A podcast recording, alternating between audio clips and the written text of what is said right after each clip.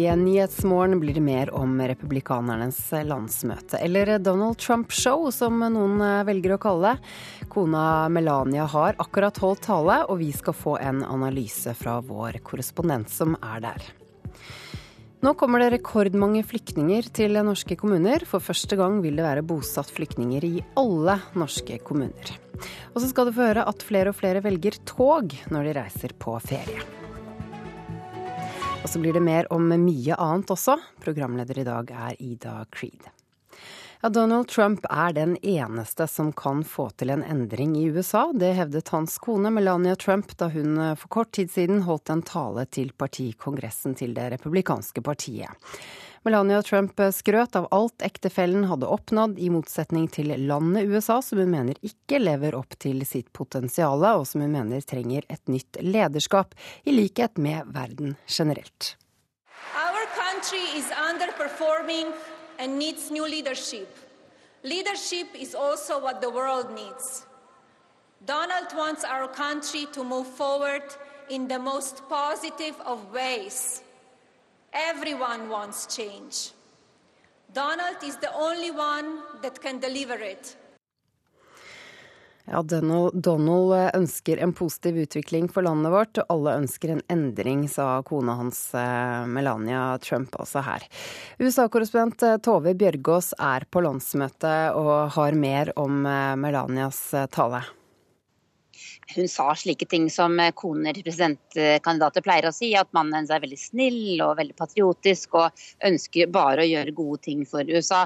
Hun snakket om at han er en veldig kjærlig ektemann og veldig flink med barn, men at han alltid har brent for eh, å gjøre USA til et bedre sted å bo, og at han er svært patriotisk. Det var det hun var aller mest opptatt av. Hvordan opplevde du eh, talen? Hun fikk ikke veldig mye applaus. Eh, mange av dem jeg snakket med etterpå, mente at hun var ganske flat og, og leste fra et, fra et manus. Eh, og det gjorde hun jo også. Eh, eh, så det var andre talere som fikk mye mer eh, applaus. Eh, men Melania har deltatt i valgkampmøter for ektemannen tidligere. Hun er jo en tidligere modell, er ikke vant til å stå foran slike store forsamlinger. Så det var mange, spesielt kvinner jeg snakket med, som ga henne, ja, som ga henne ros og sa at det er jo vanskelig å stå der. Listen over eh, hvem de andre er som eh, skal tale på landsmøtet, er jo da offentlig nå. Hvem er de? Det som er spesielt, er jo at det er en god del sentrale skikkelser i det republikanske partiet som ikke er kommet hit til Cleveland. Flere tidligere presidentkandidater, som eh, f.eks. Mitt Romney, som var kandidaten i 2012, er ikke her. Jeb Bush er ikke her, heller ingen andre fra Bush-familien. Derfor er de som skal tale, flere senatorer, eh, blant annet, men kanskje ikke av de mest kjente. I, nå i kveld så talte eh, Rudy Giuliani, tidligere presidentkandidat og tidligere borgermester i New York. Han fikk eh, stor applaus. Men det har også vært mange såpeoperastjerner på scenen. Eh, idrettshelter, tidligere krigsveteraner mange ukjente navn for oss eh, i Norge. Og så skal altså alle de voksne barna til Donald Trump også på scenen i løpet av dette landsmøtet. Så her har man trukket inn nesten det man kan finne av folk som støtter ham, men altså ikke veldig mange kjente navn fra partiet. Det har vært eh, tilløp til bråk. Hvordan vil du si at stemningen er på landsmøtet? Det er rett og slett litt glissent i denne landsmøtesalen. Det er rett og slett ganske mange som ikke er kommet hit. Men disse delegatene som skal stemme, de er jo selvfølgelig møtt opp. på. det ble nærmest opprør i salen eh, rundt klokka 11 i går kveld norsk tid, da en gruppe som er mot Trump, forsøkte å få igjennom eh, et forslag som skulle gjøre at man skulle stemme over avstemningsreglene, som kunne ha gjort det mulig å stanse at Trump ble presidentkandidat. Eh, det, forslaget det sa eh, ordstyreren at partiet ikke ville godta. og Dermed ble det roping og skriking i salen så mye at denne ordstyreren måtte forlate scenen og komme tilbake etter en liten stund. Så det var en ganske flau affære. Og i kveld så skal den formelle nominasjonen av Trump eh, finne sted. Så det er spennende å se hvordan det vil være. For det er mange i salen eh, som ønsker fortsatt å kjempe for at han ikke skal bli kandidat. Ja, Men er det i det hele tatt noen flere muligheter for dem som ønsker det, å hindre at Trump blir republikanernes presidentkandidat nå? Det er jo svært vanskelig. Han har en overveldende flertall av delegater. Det disse motstanderne har forsøkt å gjøre, det er å rett og slett endre reglene for nominasjonen, slik at delegatene fristilles og kan stemme på hvem de vil. Og For å få til det så har de gjennomført eh, f.eks. underskriftskampanjer. Men denne Stopp Trump-kampanjen har jo forsøkt i månedsvis å stanse Trump også under nominasjonsprosessen, og det ikke lyktes. Så, så, det er ingenting som tyder på at de vil klare å gjøre noe annet enn å uh, lage en, en, flau stemning og vise at dette er et parti i dyp splittelse. Ja, Det sa vår USA-korrespondent Tove Bjørgaas. Rekordmange flyktninger bosettes i år, etter planen 16 000 personer. Og for første gang vil det være bosatt flyktninger i alle norske kommuner, ifølge Integrerings- og mangfoldsdirektoratet IMDi. Karasjok har ikke tatt imot flyktninger tidligere, men skal nå bosette 20. Og flyktningkonsulent Ina Dalseng får mange spørsmål fra lokalbefolkningen. De jeg har møtt på hittil, de eh, er jo veldig spent. Eh, de spør mye, de er veldig nysgjerrige på hvordan de skal klare seg her pga. klimaet, pga. at det er mørkt på vinteren og de her tingene. Foreløpig har jeg ikke møtt noe skepsis i at vi skal bosette flyktninger her. Karasjok kommune med mindre enn 3000 innbyggere skal altså få 20 nye, annet fra Syria. De første kommer i august. Det som står igjen, det er kun eh, innkjøp av inventar. Det blir eh, alt fra eh, skeier til sofa og seng og ja. Barnefamiliene skal få barnehageplass. Det er full barnehagedekning i kommunen. Skolen forbereder planer for nye elever, og helsevesenet skal orienteres. De voksne skal inn i introduksjonsordningen, lære seg norsk og samfunnskunnskap. I fjor mottok norske kommuner drøyt 11 000 flyktninger, langt flere enn året før. I år blir det altså ny rekord, til tross for at behovet ble nedjustert da det kom færre flyktninger. Det er en formidabel mobilisering kommunene har gjort med å si at vi kan i sum ta imot 16 400, og vi opplever at det så langt i år ligger de helt i ruta. Sier IMDi-direktør Geir Barvik. Nye bosettingskommuner får tilbud om å delta på IMDis opplegg for å øke kompetansen. Det er veldig populært og etterspurt, og vi skal sette i gang med en ny runde nå. For det er jo interessant at nå bosettes det i absolutt alle norske kommuner. Hvis vi bare går en to-tre år tilbake, så var det bare 350 kommuner som, som bosatte.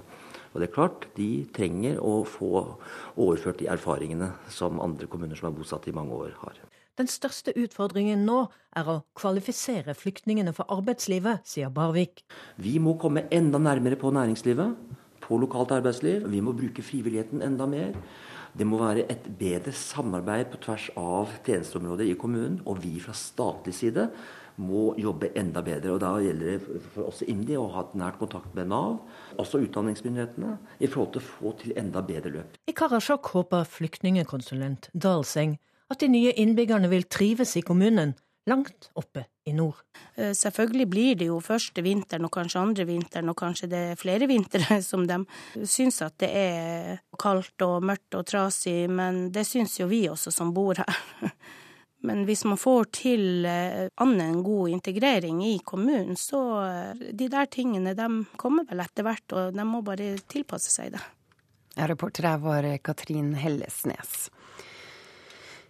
Tora Skippervold, du er flyktningkoordinator i Grimstad, og vi har deg med fordi i, i vår så fikk Grimstad kommune Integrerings- og mangfoldsdirektoratets bosettingspris, en pris som går til en kommune som har gjort et spesielt godt arbeid med bosetting og integrering av flyktninger.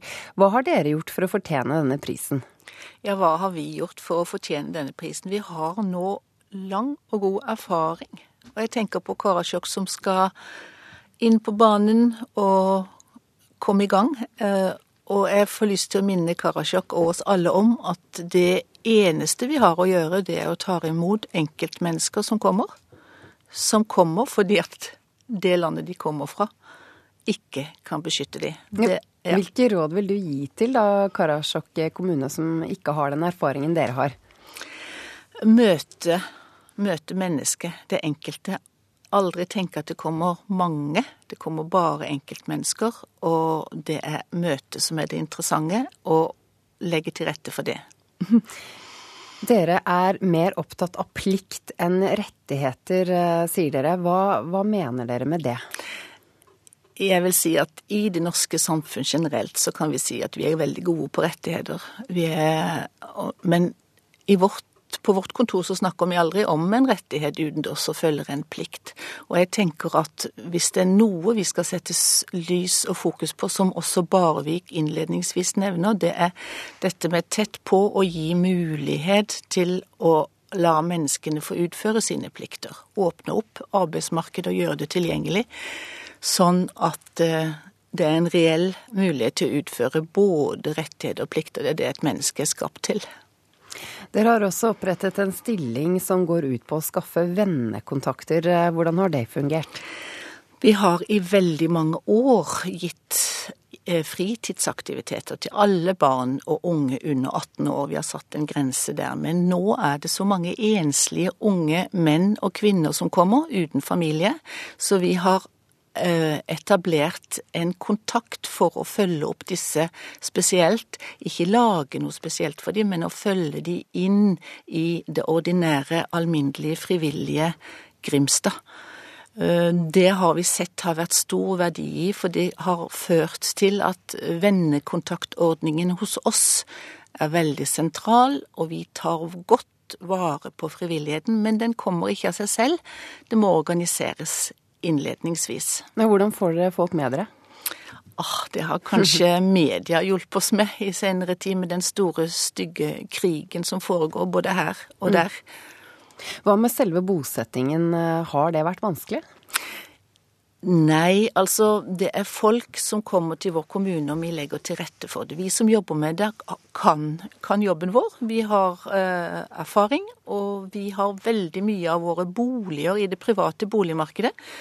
Eh, gjør det veldig enkelt. Eh, inngå en leiekontrakt og være i kontakt med både bo, eh, huseier og den som skal bo der. Boveiledning og vi er en sikker betaler fordi vi tar ansvar for de som kommer i denne første tiden, som er en overgangsfase for flyktningen som kommer.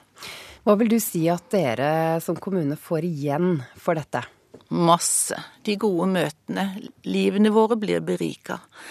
Eh, jeg tenkte på det da vi fikk denne prisen, så sier vår ordfører eh, at eh, han skjønte ikke riktig hvorfor vi fikk denne prisen, for vi gjør ikke noe spesielt. Vi gjør det vi bør. Vi møter mennesket 24 timer i døgnet, tenker vi at det skal til for å leve. Og så legger vi til rette for mange ting utover det som er det lovpålagte, altså noe som er det introduksjonsloven, som eh, legger til rette for fulltids arbeidsdag. Du kan si åtte til fire, men vi tenker mye på dette etter arbeidstid, fritid. Mm. Introdusere Altså svømmeopplæring, sykkelopplæring. Vi har noe som heter foreldreveiledningsprogram. ICDP kalles det. Veldig nyttig, og foreldrene er fryktelig fornøyd for å lære hvordan er det vi oppdrar barn i Norge. Takk for at du var med i Nyhetsmorgen, flyktningkoordinator i Grimstad, Tora Skippervold. Dette er hovedsakene våre denne morgenen. Ledelsen i det republikanske partiet i USA har slått ned et opprør mot Donald Trump under landsmøtet. Som du akkurat hørte, rekordmange flyktninger blir nå bosatt i norske kommuner. Og flere kvinner lykkes i musikkbransjen, ifølge Tono. Det blir det mer om om litt. Men først skal vi til Tyskland, for der er tre mennesker alvorlig såret etter at en 17-åring gikk til angrep på togpassasjerer i går kveld. Gjerningsmannen ble skutt og drept av politiet. Og utenriksreporter Maria Hasselgaard, hva mer vet vi nå om det som skjedde i går? Det vi vet, eh, er at toget var på vei til Würzburg i delstaten Bayern i Sør-Tyskland. Da går 17-åringen eh, til angrep med øks og kniv mot eh, passasjerer. Som du sier, tre personer er eh, alvorlig skadd etter angrepet, og ytterligere én person er lettere skadd. Politiet stormer regiontoget etter å ha fått melding om angrepet i går kveld. og 17-åringen eh, flykter fra åstedet, men en spesialstyrke fra politiet som tilfeldigvis er i nærheten, følger etter ham, og han blir skutt og drept av politiet. Hva vet vi om 17-åringen og motivet hans for ugjerningen? Ja, Ifølge den bayerske innenriksministeren så skal han ha kommet til Tyskland som enslig mindreårig flyktning fra Afghanistan. Eh, og bodde da på et eh, mottak for, eh, for enslige mindreårige utenfor Würzburg. Det er for tidlig å spekulere om motivene, men tyske medier rapporterer at gutten ropte 'Allu akbar', det hellige utropet til muslimene 'Gud er stor' under angrepet. Men det her er ikke bekrefta av myndighetene. Ehm, angrepet kom jo bare dager etter eh, det som skjedde på stranden i, eh, i NIS. Og mm, der pågår jo etterforskningen om motiv. Men uansett så ser vi at diskusjon, ja også på toppmøtet i EU i går mellom eh, der terror ble diskutert, så er ensomme ulver, ensom ulvangrep i Europa, eh, volder stadig større bekymring blant ledere, fordi det er vanskelig å å både forhindre, eh, men også å, å, å, vite hva man skal gjøre for, for å bearbeide, eller for å, eh, for å forhindre at det skjer. Det vi vet er at et eh, angrep som dette vil jo sette større press på eh, forbundskansler Angela Merkel, som har ønska én million innvandrere velkommen i fjor, inklusiv eh, tusenvis av enslige mindreårige som kommer til Tyskland med ubearbeidede traumatiske opplevelser fra sine hjemland. Takk til deg, utenriksreporter Maria Hasselgaard. Det er eh, flere og flere av oss som velger å bruke tog når vi skal på ferie. Salget av interrail-billetter økte med 7% i fjor, og er på vei til å øke enda mer i år. Ifølge NSB vil vi aldri komme tilbake til den store rekordtiden på 90-tallet, men eh, flere sverger til jernbanen eh, nå når de reiser. Nå dra på interrail igjen, det er på en måte å ta reisen tilbake, vil jeg si. Selve reisen. Helge Bårdseth reiser på togferie rundt tre ganger i året. Nå er han over 70, men reiser ikke mindre av den grunn. Det aller beste er jo å sette seg ned på sitt sete, ha en god bok og, og la landskapet flyte forbi. Flere vil gjøre som Bårdseth. Salget av interrail-billetter har økt og øker fortsatt. Og det er særlig én gruppe som har fattet interesse for å oppleve Europa langs jernbanen. Wenche Louise Berger, som er seniorkonsulent i NSB, ser det godt på sine tall. Det som øker mest, er jo familier med barn som har begynt å reise. Og Det har jo sammenheng med at vi i fjor innførte et tilbud med gratis barn på interrail. I fjor så mer enn doblet vi salget til barn, og det ser ut til å bli ny dobling i år. Men det er fortsatt flest unge som reiser. Nå sitter vi på en eh, kafé midt i sentrum. Hanne Marie Kvitstein og Kristina Barkve Røsland har akkurat startet sin første interrailferie. Men som førstegangsreisende har de allerede støtt på noen utfordringer. Vi skulle ta tog til Amsterdam, men vi satt selvfølgelig oss på feil tog. Så vi kom en helt annen vei, så vi måtte hoppe av toget og hoppe på nytt igjen og kjøre til Amsterdam. Interrail-billettene har flere fordeler og gode tilbud som kan ha hatt effekt på salgstallene. Men reiseekspert Bårdseth har også en annen teori på togferiens oppblomstring. Det høres litt, kanskje litt rart ut, men det er grunn eh, på grunn av de billige flybillettene. Eh, og det er fordi at interrail kombinert med en flybillett, det er eh, veldig attraktivt. Det er også ifølge NSB det man kan kalle den moderne måten å reise på. Kanskje fly den ene veien, eller fly begge veier fram og tilbake til Europa. Og så bruker de toget når de da skal oppdage Europa det er en fortreffelig måte å reise på. Vi vet ikke om venninnene som oppdager Europa akkurat nå, blir like frelst som Bårdseth, men foreløpig har de mye positivt å si om togferie. Det er veldig behagelig å ta tog hvis alt går som skal. Eh, og man kan reise til litt forskjellige sånne småbyer som man kanskje ikke ellers hadde reist hvis man skulle hatt en storbyferie, da, eller en annen slags ferie. Dørene lukkes Reporter her var Anna Rydland Nærum. Dette er avisene opptatt av i dag. Nå inntar han tronen, skriver Dagsavisen om eh, Donald Trump. Det er eh, som kjent landsmøte i den, eh, det republikanske partiet i USA akkurat nå. Avisen skriver at tungvekterne holder seg borte når Trump blir kronet til presidentkandidat. Landsmøtet har blitt Trumps eget show. Det er ikke alle like fornøyde med, skriver avisen. Terror og uro forandrer nordmenns reiseplaner, skriver VG i dag. Avisen skriver at eh, Kroatia og Bulgaria har fått eh, kraftig oppsving, og at folk ligger enda tettere enn vanlig på de greske og de spanske strendene. Og Vårt Land skriver at folk kan bli syke av terrordekningen. En psykiater avisen har snakket med, mener økt personfokus i medienes dekning av verdens terroraksjoner kan gjøre oss handlingslammede og unyanserte. Aftenposten har snakket med kvinnelige toppoffiserer som mener Forsvaret styrkes, også militært, når det nå kommer flere jenter. Jentene på sin side sier de ikke vet hva de går til. Klassekampen fokuserer på det som skjer i Tyrkia.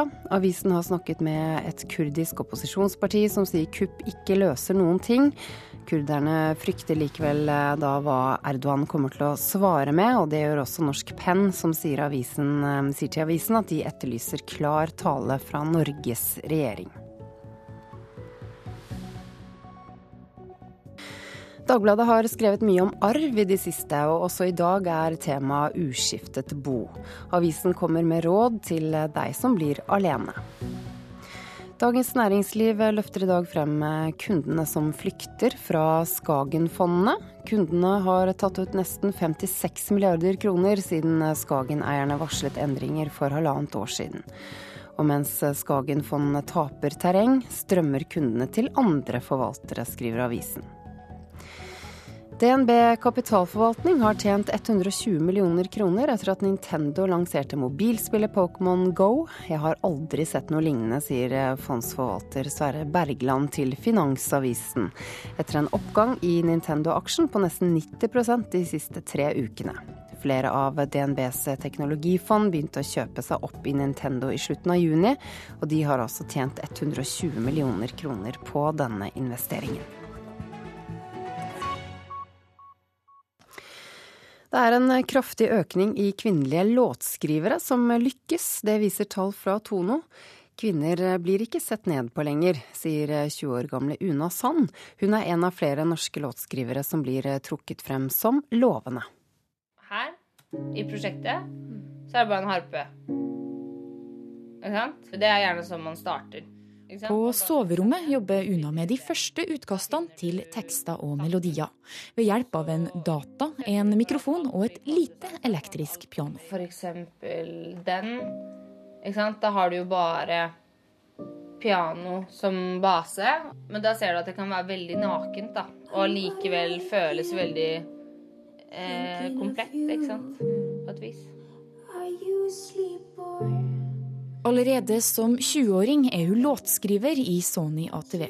Og hun er ikke den eneste som gjør det bra for tida. Altså man har genuine inntekter fra det å skrive musikk. Og der ser vi en ganske voldsom økning blant de som er, eh, som er kvinner. Sier Willy Martinsen i Tono. Organisasjonen som samler 28 000 norske tekstforfattere, låtskrivere, komponister og musikkforlag, har bare 20 kvinner. Men det er i ferd med å endre seg. Siden i fjor har antallet kvinnelige låtskrivere og komponister som tjener gode penger over tid, økt 35% Året før var økninga 18 det, altså det jeg tenker er Her kommer det stadig flere unge kvinnelige låtskrivere som faktisk driver det til noe, da. Den kommer til å slippes da av en annen artist.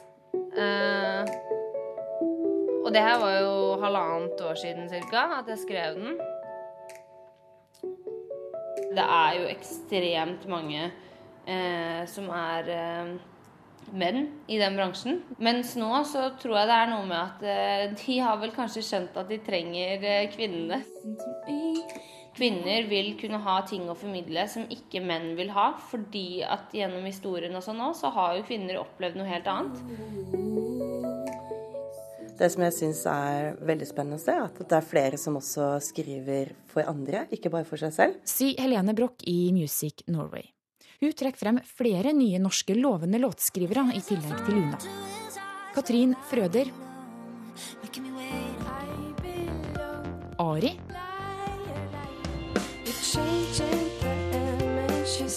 Og Karoline Eileen er bare et lite knippe. Det er mye interesse for norsk musikk, og både låtskrivere og, og, artister fra Norden og Norge.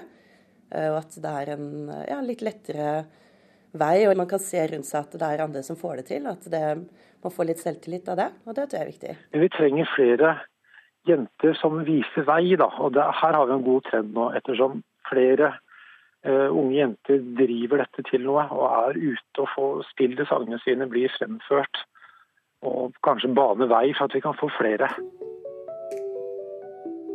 Det har blitt mye tryggere, tror jeg, da å, å, gå inn i den bransjen nå fordi at eh, kvinner ikke blir sett ned på mer. Eh, det er mer en kraft. Til høsten starter Una også opp som artist. Låtskriving vil hun likevel fortsette med. Det er jo ingen som kan ta fra meg den evnen eller eh, min kjærlighet til musikken.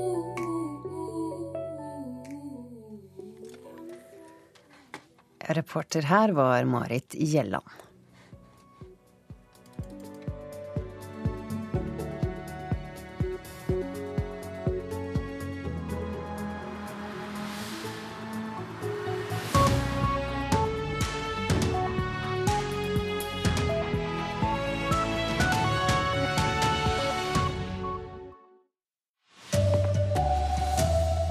Rekordmange flyktninger blir bosatt i norske kommuner i løpet av eh, året. Donald Trump er tøff når det trengs, sa kona hans på det republikanske landsmøtet i USA i natt. Det er en fortreffelig måte å reise på. Togferie er inn igjen. Det blir solgt flere interrail-billetter enn på mange år. God morgen, her er NRK Dagsnytt klokka 7.30. Aldri tidligere har så mange flyktninger fått en kommune å bo i.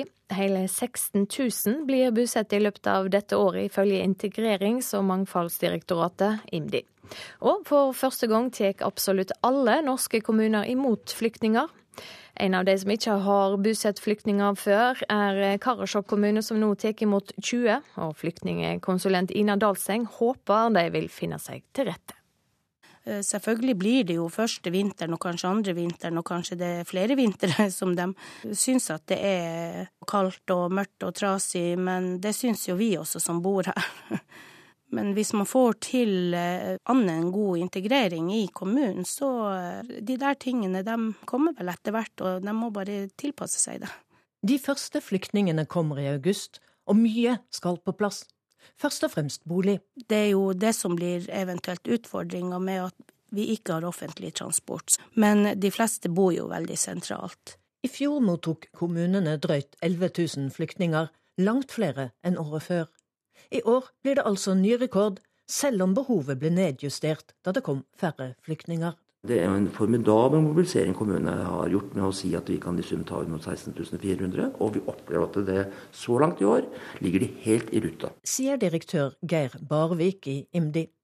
Nye bosettingskommuner får tilbud om å delta på IMDis opplegg for å øke kompetansen. Det er veldig populært og etterspurt, og vi skal sette i gang med en ny runde nå. For det er jo interessant at nå bosettes det i absolutt alle norske kommuner. Hvis vi bare går en to-tre år tilbake, så var det bare 350 kommuner som, som bosatte. Og det er klart, de trenger å få overført de erfaringene som andre kommuner som er bosatt i mange år, har. Reporter Katrin Hellesnes. I USA dukka presidentkandidaten Donald Trump sjøl opp på scenen på det republikanske partiet sitt eh, landsmøte i natt. Han introduserte kona si, Melania, som var hovedtaler på den første landsmøtedagen i Cleveland.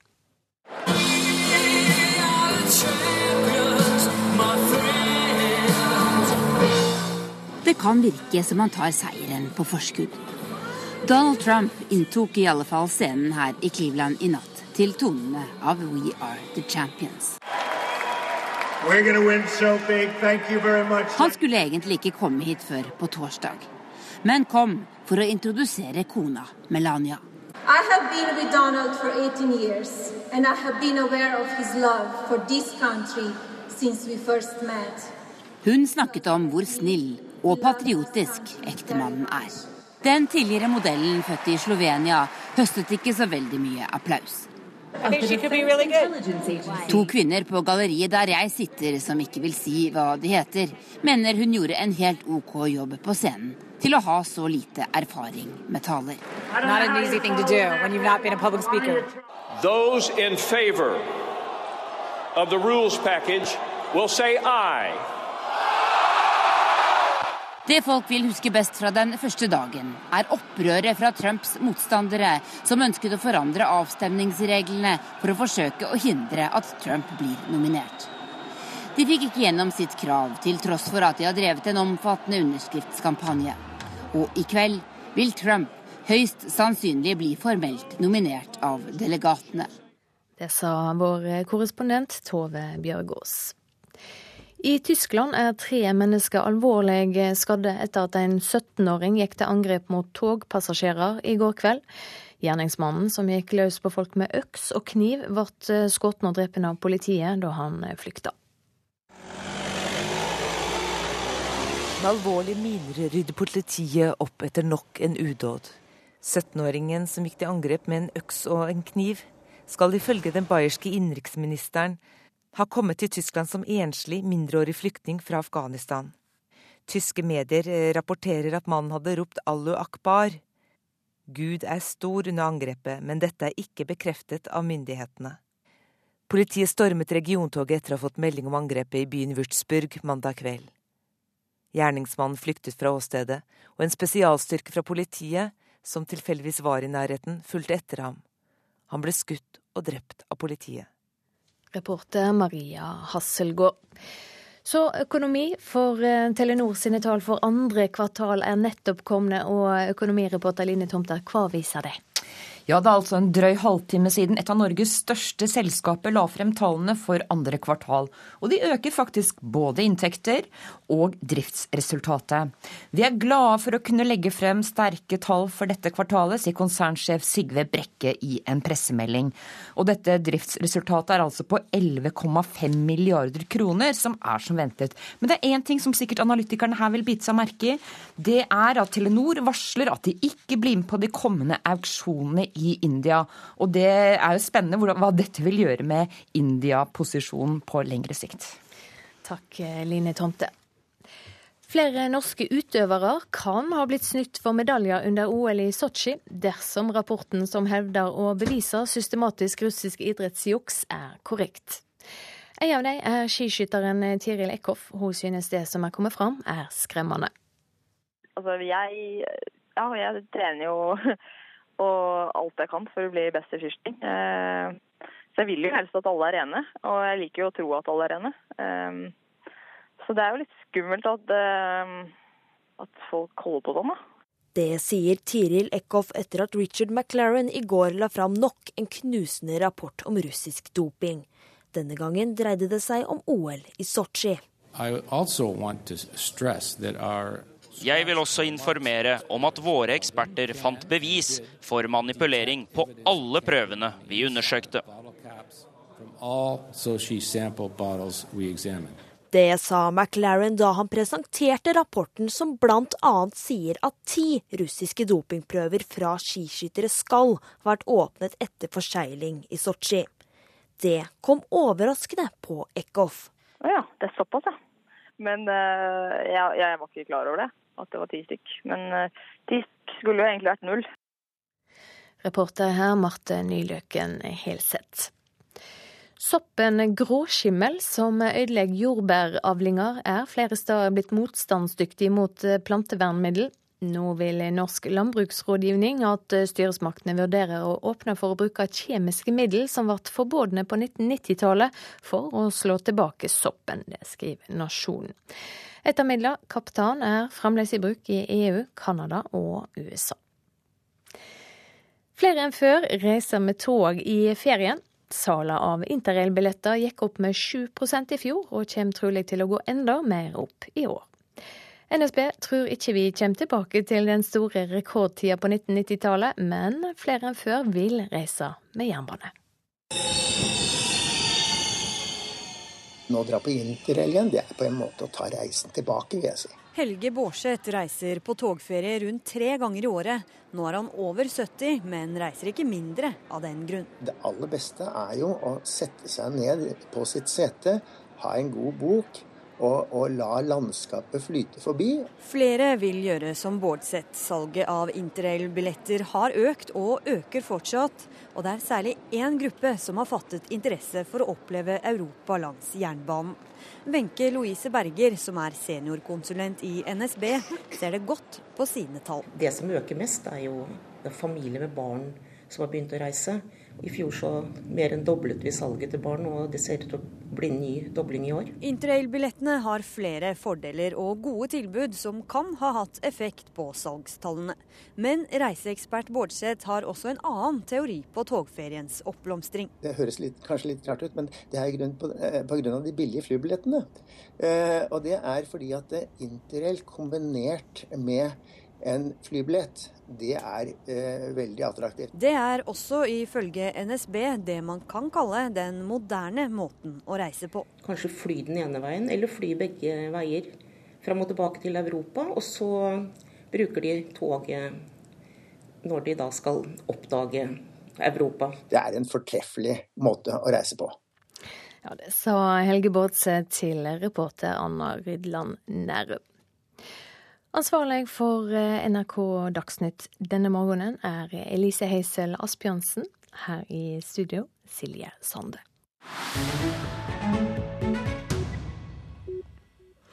Her i, her i Nyhetsmorgen så skal vi fortsette med at myndighetene i indisk-kontrollerte Kashmir har innført portforbud og stengt aviser og TV-stasjoner etter over en uke med voldelige sammenstøt mellom demonstranter og politi.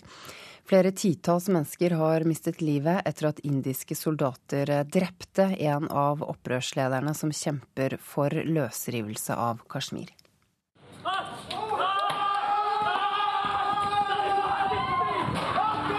Indisk politi og halvmilitære styrker løper i hælene på en gruppe unge kashmiri-menn som trosser portforbudet i Srinagar, og kaster stein på representantene for det de kaller okkupasjonsmakten.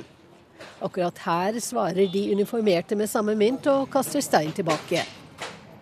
Men ellers har indiske soldater brukt både skarp ammunisjon, gummikuler og tåregass for å slå ned protestene mot indisk styre i den naturskjønne dalen ved foten av Himalaya-fjellene. Minst 35 sivile er drept, og flere tusen mennesker skal være såret siden opptøyene begynte forrige helg, i protest mot drapet på den 22 år gamle separatistlederen Burhan Wani var den karismatiske lederen av den største opprørsgruppen i Kashmir.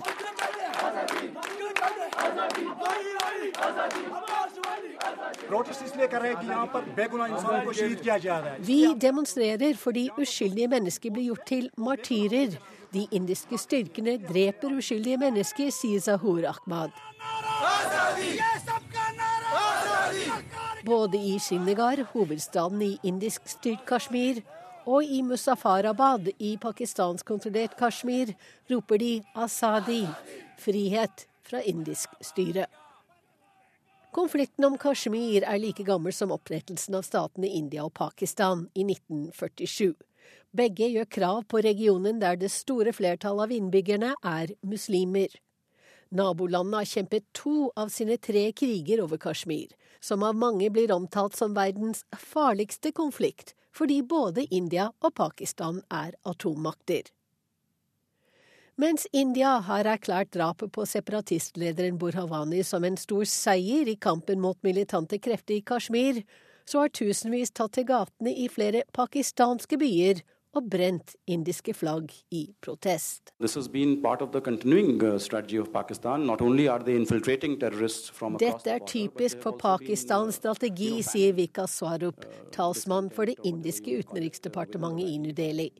Ikke bare infiltrerer de Kashmir med terrorister, de oppildner til misnøye, eller hva du nå vil kalle det, ved å støtte uh, terrorgrupper. Uh, Pakistan har naturlig nok en annen versjon framført her av talsmannen for pakistansk UD, Nafis Zakaria. Uh, det er de indiske sikkerhetsstyrkene som driver med statsterrorisme i indisk okkupert Kashmir. De terroriserer befolkningen og angriper til og med ambulanser og sykehus, slik at folk de har såret under terrorangrepene, ikke får behandling, sier Zakaria. Menneskerettighetsgrupper, også i India, har beskyldt de indiske soldatene for omfattende brudd på menneskerettighetene i Kashmir bl.a. frihetsberøvelse, voldtekt og tortur. Etter de største opptøyene på flere år er det altså nå innført portforbud flere steder.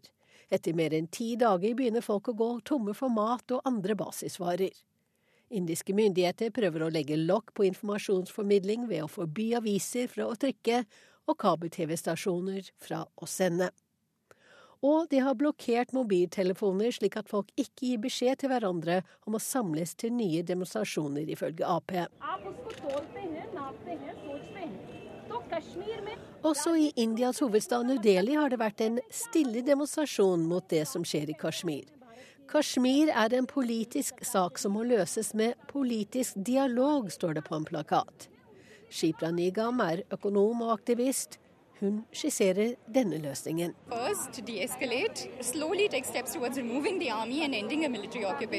En sakte og gradvis tilbaketrekking av hæren og en slutt på den militære okkupasjonen. Så kan vi starte en dialog med folk i Kashmir om hva de vil.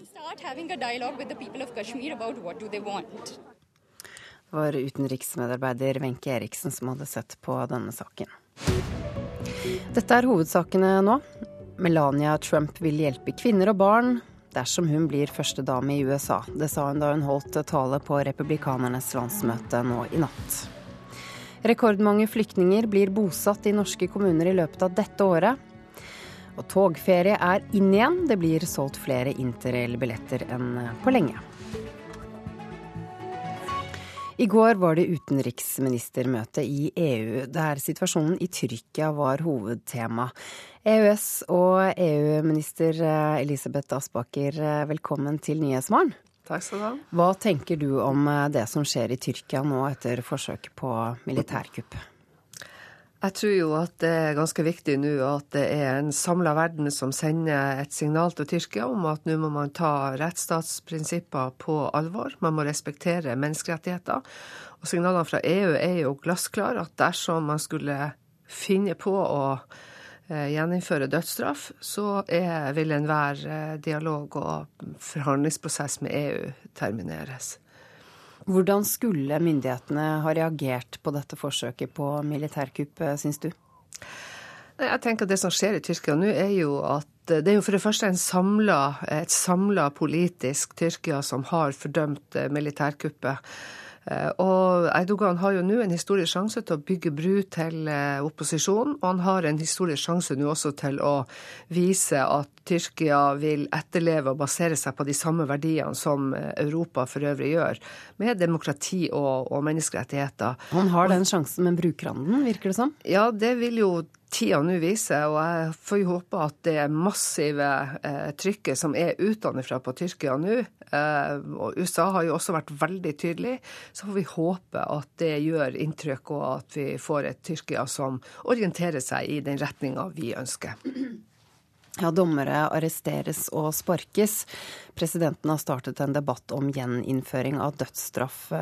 Hvordan påvirker dette Tyrkias muligheter til å bli med i EU, slik du ser det? Ja, der har vel egentlig eh, Mogherini, som er utenriksminister i EU, vært veldig tydelig på at eh, en sånn utvikling er ikke forenlig med å kunne bli eh, medlem i EU. Sånn at eh, det bør jo også ha gitt eh, Erdogan noe å tenke på. Så vi får eh, håpe at de tydelige signalene, som ikke er til å misforstå fra EU-sida, at det gjør at man går i tenkeboksen og at man faktisk legger bort disse planene om Eller den diskusjonen som man da er i ferd med å, å reise om dødsstraff. Ja, hva ville vært fordelene med at Tyrkia ble medlem av EU? Eh, Tyrkia er jo et, et, et, land som ligger på en måte i, i, i randsonen mellom eh, Europa og Asia, og et viktig land i den forstand de også er et eh, Nato-land. Sånn at det er helt klart at vi ser at en del av de utfordringene som vi har i Europa, ville vært tjent med at vi Eller er tjent med at vi har en god dialog med Tyrkia. Vi vet jo f.eks. at vi har en viktig avtale på flyktning- og migrasjonssida med, med Tyrkia. Eh, sånn at uh, Tyrkia er et, et, nøkkelland og et viktig samarbeidsland for, uh, for EU, og, og også på, på områder som, som, angår oss her i Norge. Ja, På hvilken måte er det som skjer i Tyrkia viktig for Norge? Ja, altså jeg vil jo si at enhver utvikling i Europa som bidrar til destabilisering eller til mer uro, og, og det er klart hvis, hvis det skulle skje at, uh, at også denne flyktningavtalen skulle komme i spill. Så det er klart at det kan påvirke eh, migrasjonsstrømmene, og som også i neste omgang vil kunne gjøre noe med den situasjonen vi, vi har i Norge. Ja, hva er viktigst for oss, det som skjer i Tyrkia nå, eller det som skjer i Storbritannia? Vet du, Begge deler er jo for så vidt viktig, men det er klart at brexit har jo satt eh, si, eh, satt hele det politiske Europa egentlig på, på, prøve. Og det er klart det er en veldig viktig vekker må være for Europas ledere om at det er viktig nå å bygge tillit mellom EU-systemet og Europas innbyggere. Eh, og man har, Det er viktig nå å reformere EU, det er viktig å skape større nærhet. Det er viktig å se på altså Donald Tusk har jo vært veldig tydelig på nå at man må se på om man kan, i stedet for å legge mer makt til Brussel, som noen er talsmenn for, at man heller da bør se på om man kan styrke regjeringssamarbeidet, altså sånn at landene i større grad kommer i førersetet sjøl, fremfor at det er eh, Brussel-systemet som skal styre enhver prosess i EU. Forsøk på militærkupp i øst, brexit i vest. Hvordan eh, påvirker dette Europas muligheter til å møte utfordringer fra et aggressivt Russland, en flyktningkrise og egne interne problemer? Jeg har sagt uh, før i den debatten som var før brexit, at egentlig så står vi overfor en situasjon hvor at det trengs mer samarbeid og ikke mindre. Så det som er utfordringa nå, det er jo at Storbritannia står overfor ganske krevende valg og skal finne sin vei både ut av EU og hva slags videre relasjoner man skal ha til både EU og til andre viktige handelspartnere.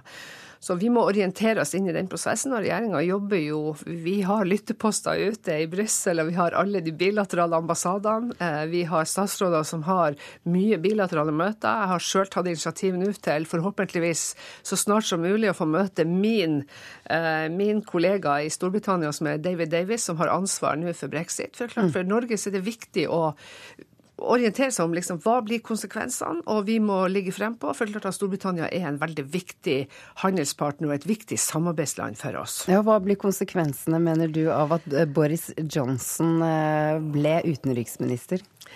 Jeg tror at Boris Johnson vil gå inn i den rollen og, og gjøre den jobben for Storbritannia som uh, enhver utenriksminister forventes å gjøre for, uh, for, sitt land. Uh, vi skal forholde oss til den nye regjeringa i Storbritannia på samme måte som vi har gjort det tidligere regjeringer. Vi har et tett og godt samarbeid med, mellom Norge og Storbritannia, og det skal vi fortsette med. Og det er faktisk enda viktigere nå i den fasen vi står overfor.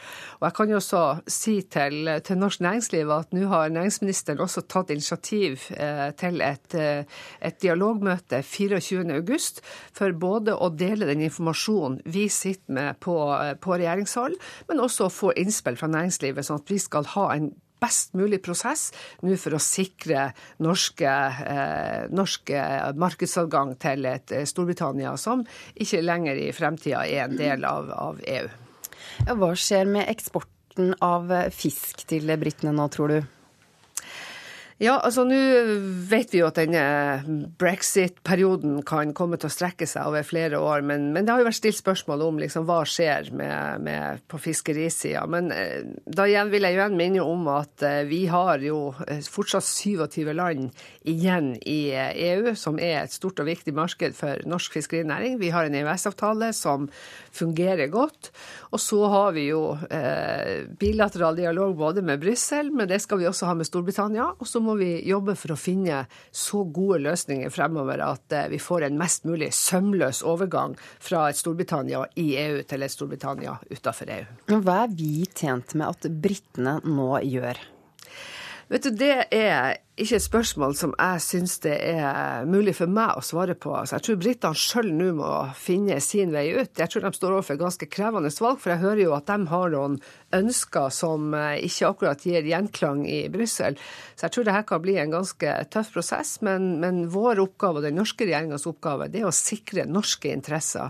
Og Derfor må vi både pleie kontakt med Brussel, og jeg vil minne om at den absolutt største ambassaden Norge har, den har vi faktisk i Brussel. Og der har vi representanter for alle departementer representert.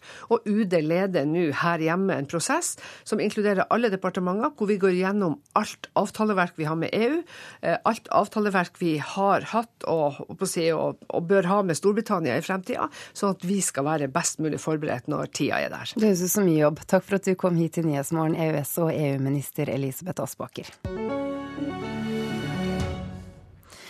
Så skal vi høre at en eh, trainee-ordning som garanterer nye sykepleiere 100% fast stilling, blir eh, stadig mer populær. Sykepleiere går ofte flere år i vikariater før de får fast stilling.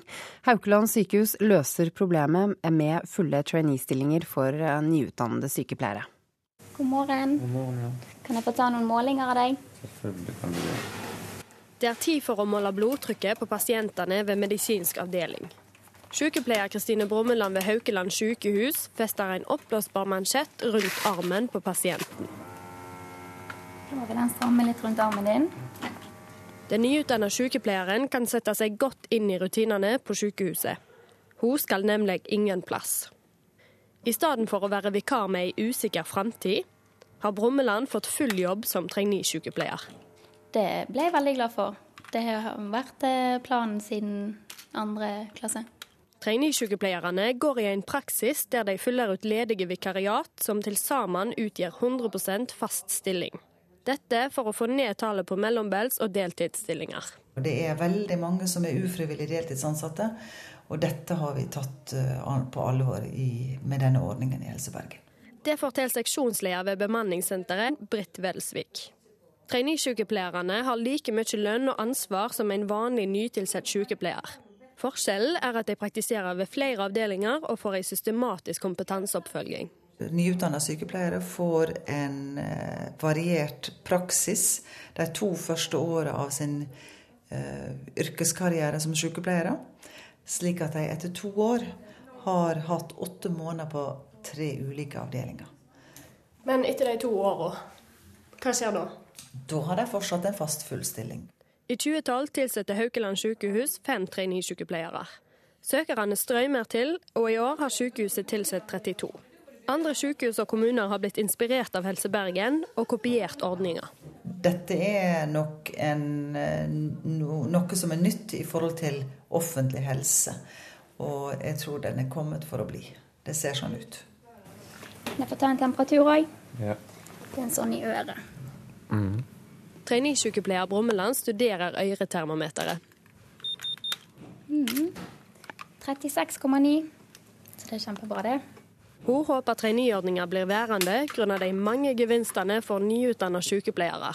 Det sikrer eh, fulle stillinger og mm, altså jeg, jeg, tror at en traineeordning gjør deg til en bedre sykepleier òg, for du får litt mer eh, variert kompetanse. Da, for Haukeland er jo veldig spesialisert. Da får du bare ringe på hvis det er noe, sant? Det gjør jeg, vet du. Mm. Supert, det. Ja.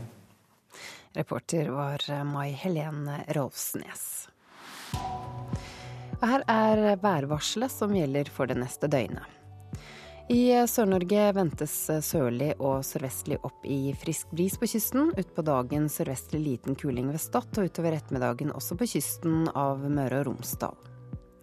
En varm front kommer inn fra sørvest, som gir regn, yr og lokal tåke på Vestlandet, sør for Stad og i Møre og Romsdal. Det er ventet lite nedbør sør for Buknafjorden. I Trøndelag starter dagen med oppholdsvær og lange perioder med sol, men utover ettermiddagen tilskyende og litt regn, først i sør. Østafjells får til dels pent vær, men mulighet for enkelte ettermiddagsbyger. Omtrent uendret temperatur på Vestlandet, ellers uendret eller litt stigende temperatur i Sør-Norge. For eh, Nord-Norge sin del er det et lavtrykk vest for Spitsbergen som gir sørvestlig frisk bris og stedvis liten kuling på kysten fra Vestfjorden opp til Nordkapp. Ellers rolige vindforhold. Enkelte regnbyger, men Helgeland, Finnmarksvidda og Øst-Finnmark får stort sett oppholdsvær og perioder med sol. Litt stigende temperatur i Nordland og Troms, uendret eller litt lavere temperatur i Finnmark. På Spitsbergen blir det en del vind på kysten først på dagen. Nordøst opp til liten kuling. eller skiftende bris, periode med regn. Lokal tåke i øst. Litt lavere temperatur på Spitsbergen. Og så temperaturene målt i dag morges klokken sju, for altså rundt en time siden. Da hadde Svalbard lufthavn ti grader. Kirkenes hadde tolv grader. Det hadde også Vardø, tolv grader altså. Alta elleve grader. Tromsø-Langnes ni. Bodø 11 grader. Brønnøysund også 11 grader. Trondheim-Værnes 10 grader. Molde 12. Bergen-Flesland 13 grader. Og Stavanger, der mangler vi data akkurat nå. Kristiansand-Kjevik 13 grader. Gardermoen 12 grader. Lillehammer 12 grader. Røros 6 grader. Og Oslo-Blindern hadde 14 grader, altså klokken sju i dag morges.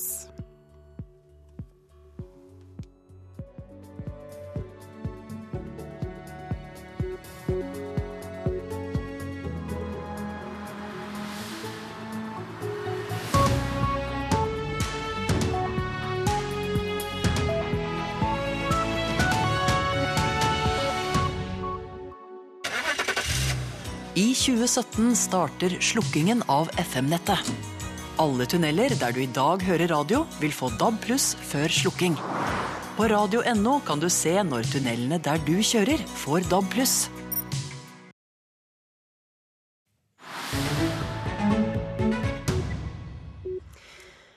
I Tyrkia fortsetter letingen etter de involverte i kuppforsøket. Så langt er 103 generaler og admiraler pågrepet, i tillegg til over 7000 mennesker som myndighetene mener har vært involvert.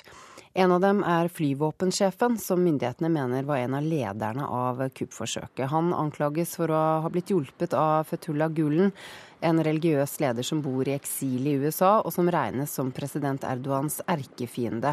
Begge avviser at de står bak eh, kuppforsøket. Kollega Emra Senel, du er fortsatt i Tyrkia. Hva er det siste som har skjedd?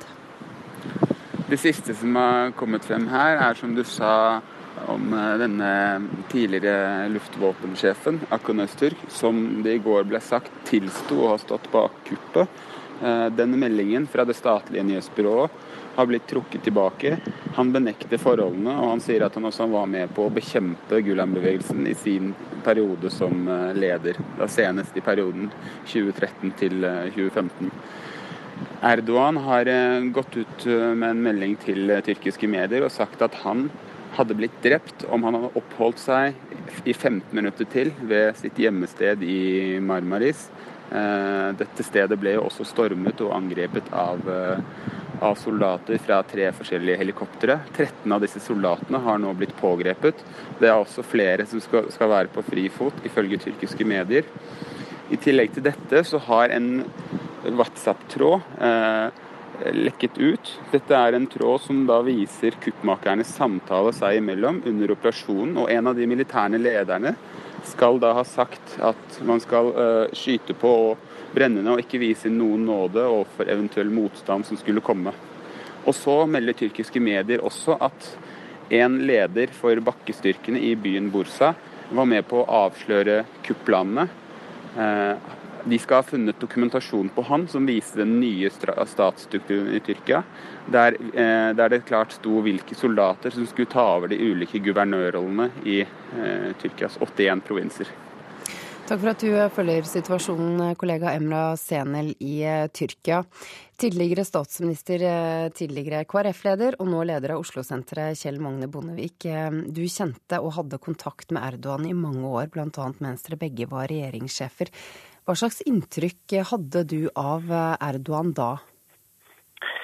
Eh, den gangen, så ved siden av å drøfte internasjonal politikk, så drøfta vi bl.a. forholdet religion og politikk, som Erdogan var veldig opptatt av.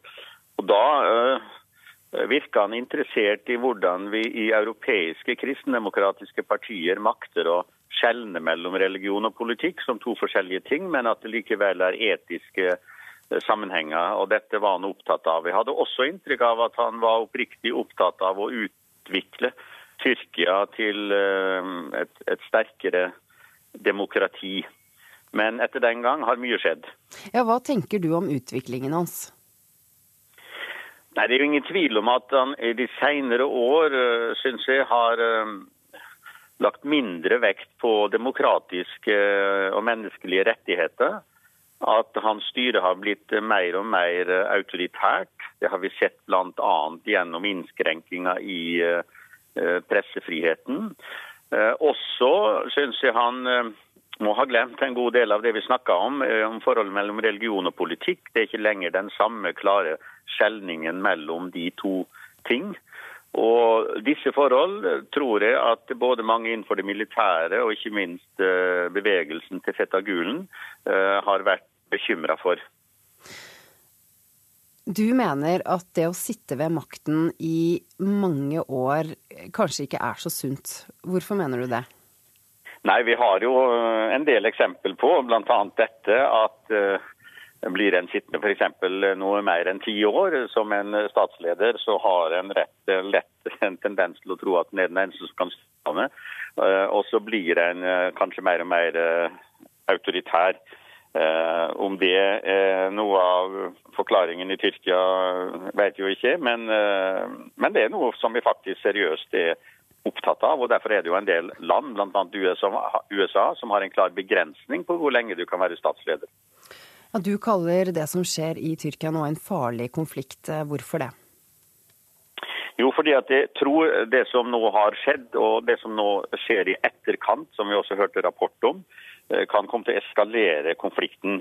Eh, hva som rører seg innenfor de militære, vet vi jo ikke så mye om. Eh, men etter også å ha noe kontakt med medlemmer av denne Gulen-bevegelsen, så de, vet de at de er veldig bekymra nå for hva som kan komme til å skje. Gulen og Erdogan samarbeider jo tidligere, bare for noen år tilbake, hadde felles verdier. Bruk av dialog, respekt for toleranse. Eh, og eh, de har eh, gått hver sin vei etter hvert, blitt erkefiender. Og bevegelsens medlemmer er nå bekymra for diskriminering, for arrestasjoner, for overgrep. Og det er veldig viktig at det internasjonale samfunnet nå følger godt med, slik at ikke uskyldige blir ramma. Hva frykter du? Jeg frykter eh, en eh, politisk konflikt som kan eskalere til å bli en voldelig. Og jeg frykter også overgrep mot grunnleggende menneskerettigheter. Og eh, som en Nato-alliert så er det viktig at Norge, men også andre land i den demokratiske verden, følger dette veldig nøye for å hindre at slikt skal skje. Takk for at du var med oss her i Nyhetsmorgen, leder av Oslo-senteret Kjell Magne Bondevik. Dette skriver avisene om i dag. Nå inntar han tronen, skriver Dagsavisen om Donald Trump. Det er eh, som kjent landsmøte i det republikanske partiet i USA akkurat nå. Avisen skriver at tungvekterne holder seg borte når Trump blir kronet til presidentkandidat. Landsmøtet har blitt eh, Trumps eget show, og det er det ikke alle som er like fornøyde med, skriver avisen. Terror og uro forandrer nordmenns reiseplaner, skriver VG. Avisen skriver at Kroatia og Bulgaria har hatt et kraftig oppsving, og at folk ligger enda tettere enn vanlig på de greske og spanske strendene. Vårt Land skriver at folk kan bli syke av terrordekningen. En psykiater avisen har snakket med, mener økt personfokus i medienes dekning av verdens terroraksjoner kan gjøre oss handlingslammede og unyanserte. Aftenposten har snakket med kvinnelige toppoffiserer som mener Forsvaret styrkes, også militært, når det kommer flere jenter. Jentene på sin side sier de ikke vet hva de går til. Klassekampen fokuserer på det som skjer i Tyrkia. Avisen har snakket med et kurdisk opposisjonsparti som sier kupp ikke løser noen ting. Kurderne frykter hvordan, for hvordan Erdogan nå kommer til å svare, og det gjør også Norsk Penn, som sier til avisen at de etterlyser klar tale fra Norges regjering. Dagbladet har skrevet mye om arv i det siste, og også i dag er temaet uskiftet bo. Avisen kommer med råd til deg som blir alene. Dagens Næringsliv løfter i dag frem kundene som flykter fra Skagen-fondet. Kundene har tatt ut nesten 56 milliarder kroner siden Skagen-eierne varslet endringer for halvannet år siden. Og mens Skagen-fondet taper terreng, strømmer kundene til andre forvaltere, skriver Dagens Næringsliv. Og DNB kapitalforvaltning har tjent 120 millioner kroner etter at Nintendo lanserte mobilspillet Pokémon Go. Jeg har aldri sett noe lignende, sier fondsforvalter Sverre Bergland til Finansavisen i dag, etter en oppgang i Nintendo-aksjen på nesten 90% de siste tre ukene. Flere av DNBs teknologifond begynte å kjøpe seg opp i Nintendo i, i slutten av juni, og de har altså tjent 120 millioner kroner på denne investeringen. Vi skifter tema helt. Piratangrepene i Adenbukta utenfor Somalia har nesten stoppet helt opp. Det bekrefter både Norges Rederiforbund og Sjøfartsdirektoratet. Bergensrederiet Oddfjell har rundt 40 skip som går gjennom området. De bruker fortsatt væpnede vakter om bord på enkelte skip, men mener mannskapet deres er tryggere nå enn på mange år. Ei knust kalasjnikov-kule ruller over bordet. En gang sto den i det ladde geværet til en somalisk pirat. Nå ligger den på bordet til Harald Bauk på Oddfjell-kontoret i Bergen. Den kulen der, som da er plukket ut av et av våre brovinduer, er skutt av en AK-47 Kalnasjnikov i det hensikt å skade folk om bord på fartøyet. Så dette er realiteter. De siste åra har arbeidsdagen til Oddfjell-tilsatte som seiler gjennom Adenbukta, minnet mer om en militæroperasjon enn livet på et tankskip. Fjernstyrte vannkanoner, fjernsynsovervåkingsanlegg, piggtråd, skuddsikre vester, kevlarhjelmer. Og eh, ettersom norske myndigheter til slutt åpnet opp for å bruke væpnede vakter, så tok også Oddfjell i bruk væpnede vakter. Men nå har det snudd. Det siste året har piratangrepene i Adenbukta utenfor Somalia nærmest forsvunnet. Det har ikke vært noen de siste månedene, rett og slett. Det har stilnet helt av. Men det betyr ikke at potensialet for slike angrep er borte. Det begynte i, uh, i 2015, så da hadde vi kraftig nedgang. Og i 2016 så har det vært lite og ingenting uh, aktivitet faktisk uh, i, i, dette området. Torbjørn Husby i Sjøfartsdirektoratet og Line Ollestad i Norges Rederiforbund stadfester tendensen. Slik vi ser det, så er det fordi det er en eh, rekke tiltak som har blitt gjort både på land og til havs eh, de siste årene. Mange har væpnede vakter om bord. Det er gode rapporteringssystemer i området. Det har vært eh, flere militæroperasjoner, i tillegg til at man har drevet kapasitetsbygging på land i Somalia. Fremdeles er det tunge trygghetstiltak, som f.eks. militære konvoier. Slik vil det trolig være i lang tid, både Somalia og Jemen, som ligger på hver sin side av bukta, er svært ustabile områder. Fremdeles har somaliske pirater over 30 gissel. Det vi får rapportert, er at piratnettverkene fortsatt eksisterer på land i Somalia, men at de nå beskjeftiger seg med annen kriminell aktivitet. Dette er grunnen til at vi fortsatt følger situasjonen i området nøye, fordi vi vet at piratnettverkene fortsatt er intakte. Hvis Somalia kan komme i en tilstand slik at pirater kan bli fiskere igjen, så tror jeg alle vil være veldig, veldig fornøyd med det. I hvert fall er vi det. Reporter Ingvild Nave. Du hører på Nyhetsmorgen. Dette er hovedsaker i dag. Donald Trump fikk drahjelp av kona Melania på republikanernes landsmøte nå i natt. Men hun fikk ikke så mye applaus da hun holdt tale. Rekordmange flyktninger blir bosatt i norske kommuner i år. Og om litt så skal vi anmelde TV-serien Mr. Robot. Men først skal vi høre at biologer sier det har blitt vanlig å finne fugler med plastbiter i magen, eller som er skadet av marint søppel. Denne uken ble en havsule funnet på Hvaler, utsultet og slapp med garn rundt nebbet, forteller biolog Jan Ingar Båtvik. Du ser jeg har noe havsuleskit her og litt. Egentlig burde jeg hatt regnbukse også, for det, de skiter jo litt disse her fuglene gjerne.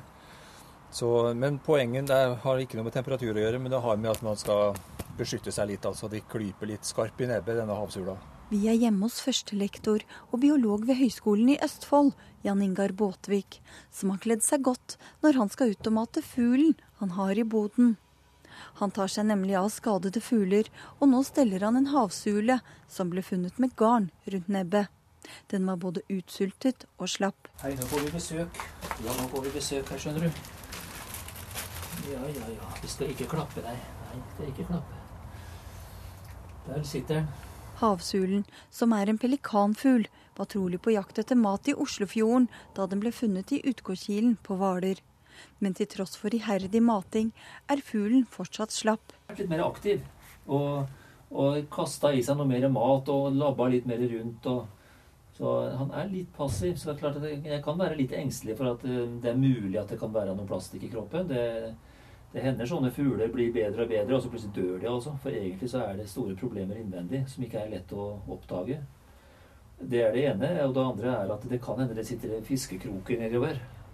Det har jeg også vært borti. Og da bruker jeg ofte lommelykt og løfter opp gapet mest mulig for å se kan det være en krok jeg kan få tak i med nebbtang eller noe. Det har, hendt, det har hendt. Andre ganger sitter den kroken så langt ned at det må noe kirurgi til, og da blir det vanskelig. Men syns du oftere og oftere du får fugler som har skader fra marinsøppel? Når det gjelder plastikk, ja. Vi hadde en storjo her, og den var det mye plastikk i. Det var også en ung fugl som ikke på ingen måte var overårig, som det heter. Altså at den der har levd livet og dør biologisk. Så det, dette med plastikk er jo blitt en, et stort problem i havet. Og vi har dissekert noe hval, bl.a. med, med den hvitnosa som fløt i land ute i Skjeberg der. Den hadde jo innvollene fulle av plastikk. Altså magesekken var full av plastikk.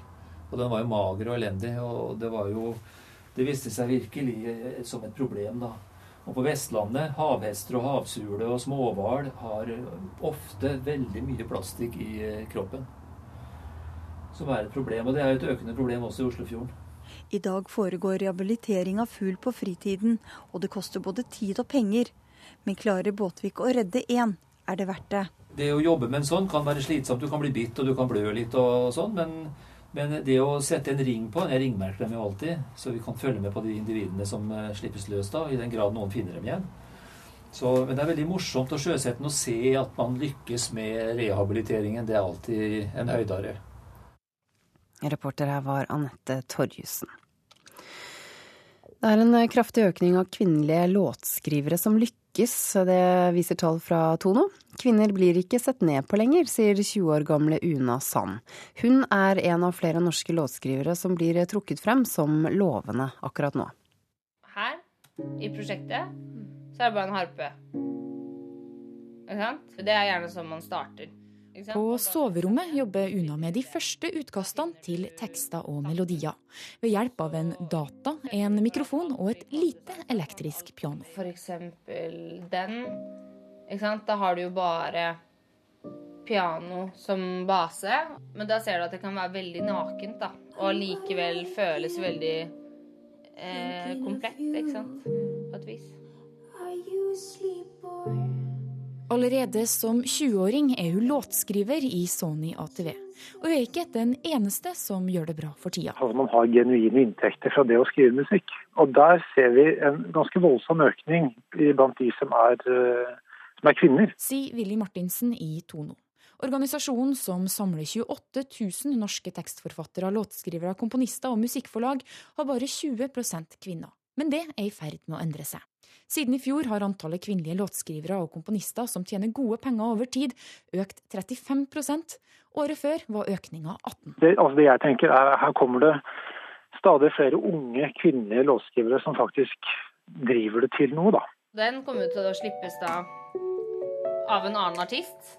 Eh, og det her var jo halvannet år siden cirka at jeg skrev den. Det er jo ekstremt mange eh, som er eh, menn i den bransjen. Mens nå så tror jeg det er noe med at eh, de har vel kanskje skjønt at de trenger eh, kvinnene. Kvinner vil kunne ha ting å formidle som ikke menn vil ha. Fordi at gjennom historien og sånn òg, så har jo kvinner opplevd noe helt annet.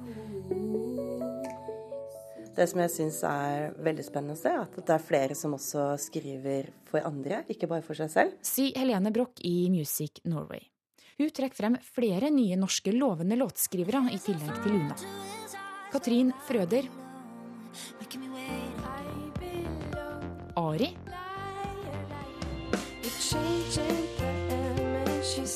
Og Caroline Eileen er bare et lite knippe. Det er mye interesse for norsk musikk, og, både låtskrivere og, og, artister fra Norden og Norge. Eh, og at det er en ja, litt lettere vei, og man kan se rundt seg at det er andre som får det til. At det, man får litt selvtillit av det, og det tror jeg er viktig. Vi trenger flere jenter som viser vei, da. Og det, her har vi en god trend nå, ettersom flere unge jenter driver dette til noe og er ute og får spillet sangene sine, blir fremført. Og kanskje bane vei for at vi kan få flere. Det har blitt mye tryggere, tror jeg, da. Å, å gå inn i den bransjen nå fordi at eh, kvinner ikke blir sett ned på mer. Uh, det er mer en kraft. Til høsten starter Una også opp som artist. Låtskriving vil hun likevel fortsette med. Det er jo ingen som kan ta fra meg den evnen eller eh, min kjærlighet til musikken.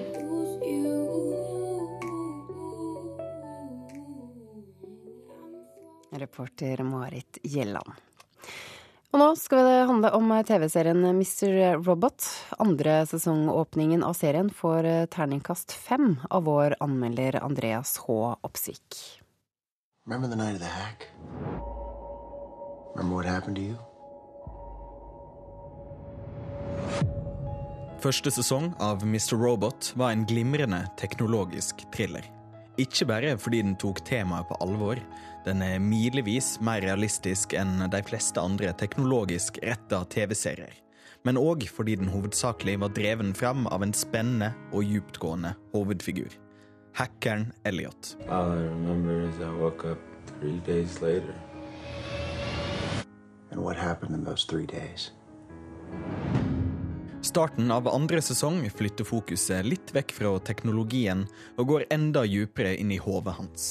Vi så flere tilfeller av Elliots mentale programmering i forrige sesong, stort sett støtta av ulike sentralstimulerende middel, men de her to første episodene bruker det som gallionsfigur i hans jakt på å bli kvitt både psykiske plager og medikamentavhengighet. Serien er fremdeles skarpt laga og nydelig filma TV.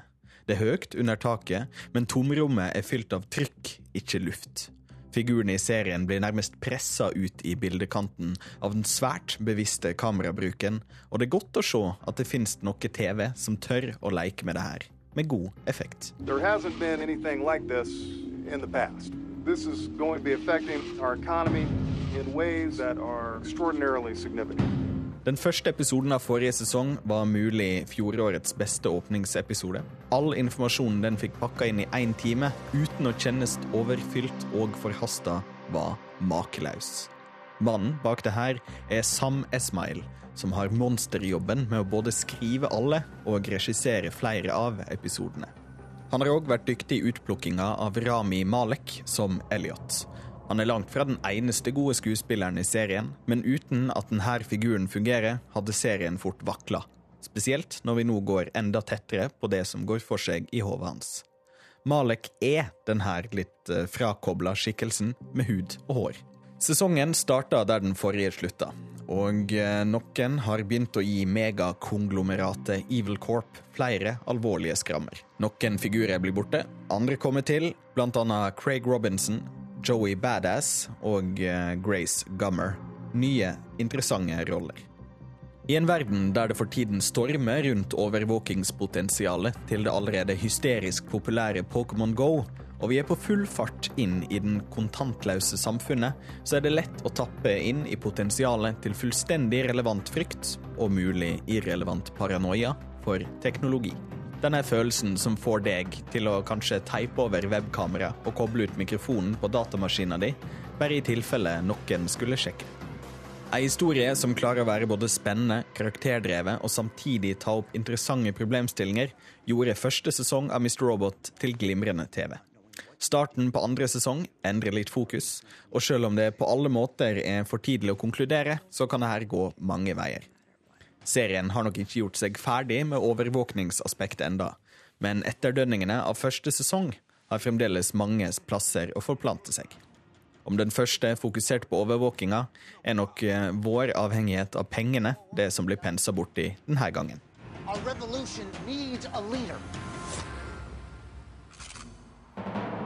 Terningkast fem.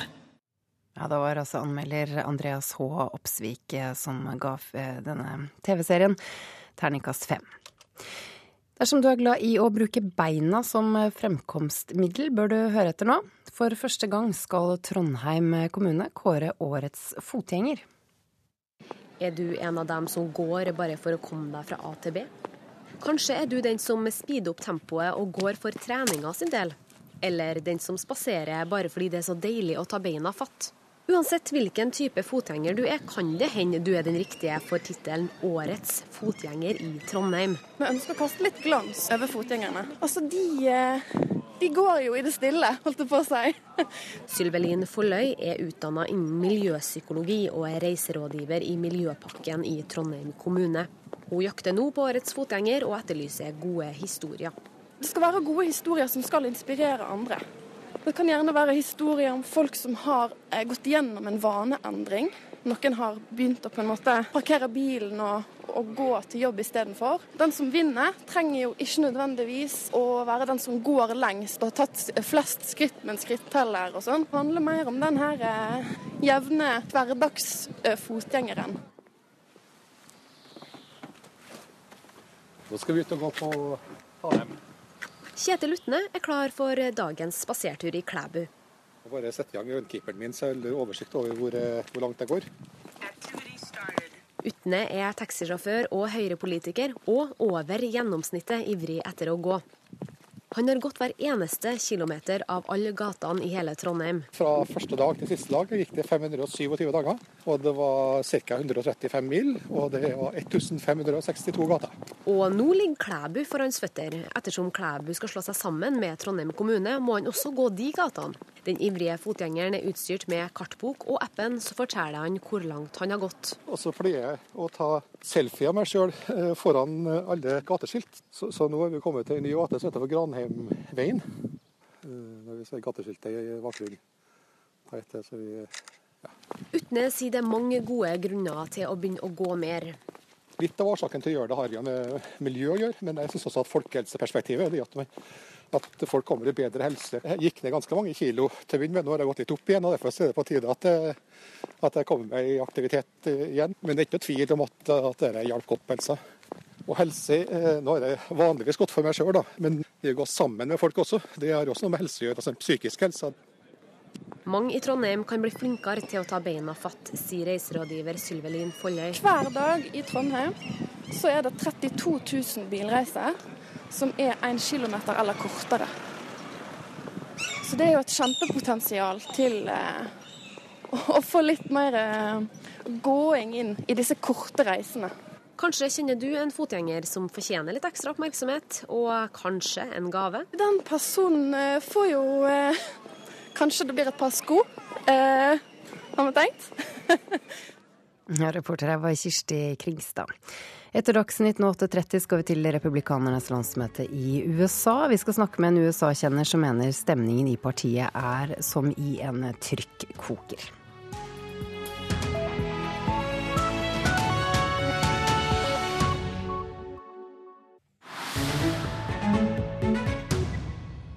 Ja, I USA dukket presidentkandidaten eh, Donald Trump selv opp på scenen på det republikanske partiets eh, landsmøte i natt. Han eh, introduserte kona si, Melania, som var hovedtaleren på denne første landsmøtedagen. Men mange av republikanerne som er samlet i Cleveland i Ohio, er opptatt av den sterke splittelsen i partiet.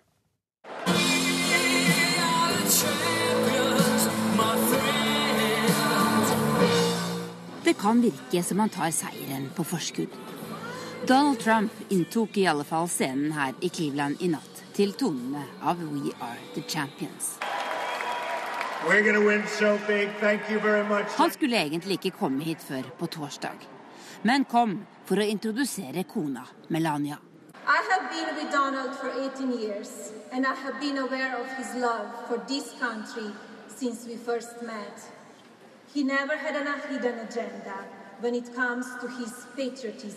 Hun snakket om hvor snill og patriotisk ektemannen er.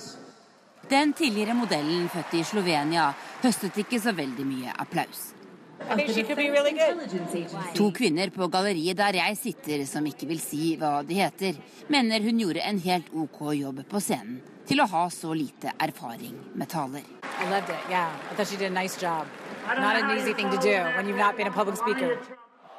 Those in favor of the rules package will say aye.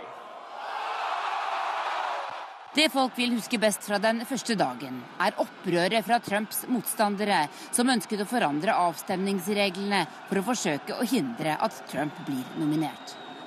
De fikk ikke gjennom sitt krav, til tross for at de har drevet en omfattende underskriftskampanje. Og i kveld vil Trump høyst sannsynlig bli formelt nominert av delegatene. En god del av dem ønsker en annen presidentkandidat, som Marty Seifert fra Minnesota. Well, I look at it this way that for a, lot of Republicans politically, Donald Trump will be a, bitter pill to swallow, pill. Men i valget mellom å svelge en bitter pille og en giftpille går jeg med på å stemme fram Trump for å unngå at Clinton blir president, sa han til meg i går.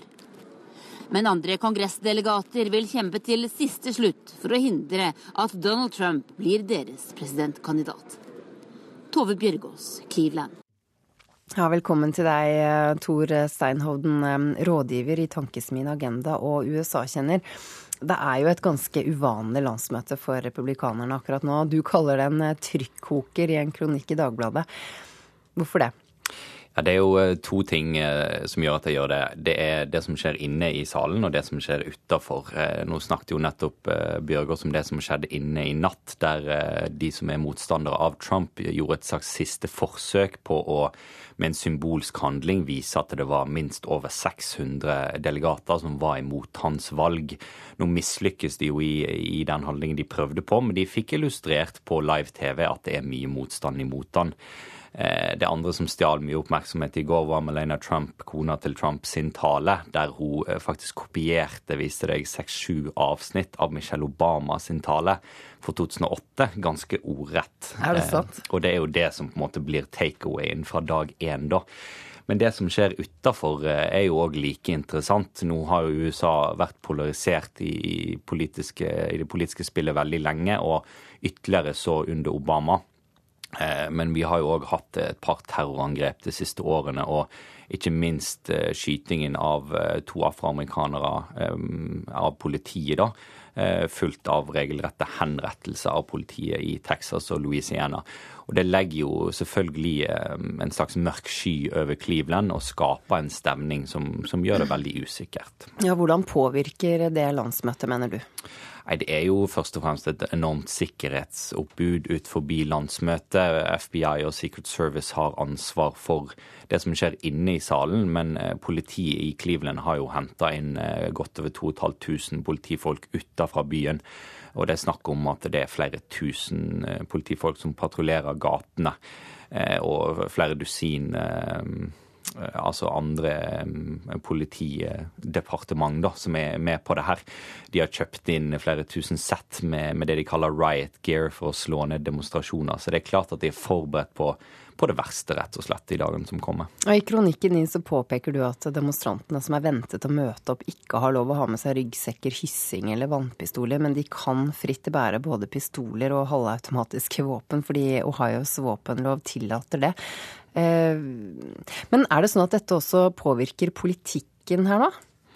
Ja, det kan man si. Den, eh, det som skjer inne i salen nå, er jo like påvirka som det som skjer ute.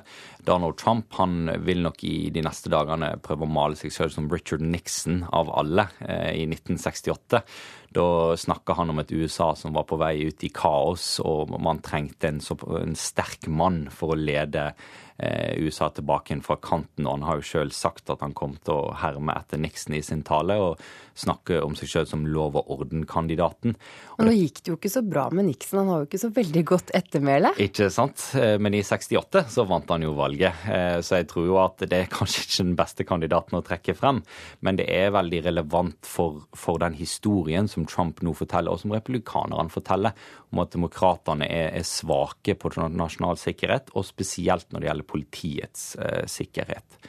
Listen over hvem som skal tale på landsmøtet er offentlig. Det er en litt spesiell forsamling. Hvem er de? Ja, På forhånd så var det forventa en enda mer spesiell forsamling. Det må sies Trump hadde jo lova et veldig annerledes møte med, med sportsstjerner og reality-stjerner. Nå var det ikke så mange sportsstjerner som dukka opp til slutt. Eh, han hadde med en golfer som er rangert som 434 i verden, som ikke er spesielt imponerende, kan man kanskje si. Det er et par eh, reality-stjerner der som, som, skiller seg litt ut, men det endte nok opp med å bli litt mer tradisjonelt enn det man kanskje hadde forventa på forhånd. Eh, det er mer interessant å se hvem som ikke har møtt opp. Hele Bush-familien, Mitt Romney, Marco Rubio, som er jo sentrale figurer i partiet. De, det var ikke forventa at de skulle dukke opp på forhånd heller, men det er jo eh, åpenbar, et åpenbart tegn på at partiet er veldig splitta om dagen. Hva er det du ser mest frem til nå som dette landsmøtet skal vare noen dager til? Nå blir det interessant å se det, hva som skjer i morgen, først og fremst, tror jeg, når Mike Pence, som er visepresidentkandidaten til Trump, skal introdusere seg sjøl til landet. Han er et eh, uskrevet blad for veldig mange. Og det blir en mulighet for han å vise for mange konservative republikanere som er skeptiske til Trump, at eh, han kan være den trygge mannen som holder Trump inn forbi det republikanske partiet sine grenser, holdt jeg på å si. Det blir òg interessant å høre Newt Gingrich i kveld og Chris Christie, som jo var eh, kandidater som kunne være visepresidenter, og som er, har virkelig eh, satsa på Trump. Men det er jo først og fremst torsdagen det handler om, når Trump sjøl skal tale eh, seint på kvelden, da. Vi følger med. Takk for at du kom til Nyhetsmorgen, Tor Steinhovden, rådgiver i Tankesmien Agenda. Da skal det handle om eh, norske jordbær igjen, da. For Norsk landbruksrådgivning vil nå at sprøytemidler som ble forbudt på 90-tallet skal vurderes på nytt for å redde norske jordbær. Det skriver Nasjonen i dag. Utbruddet av soppen eh, gråskimmel har gjort stor skade på årets jordbæravlinger. Flere steder har soppen blitt resistent mot plantevernmidlene som brukes i dag.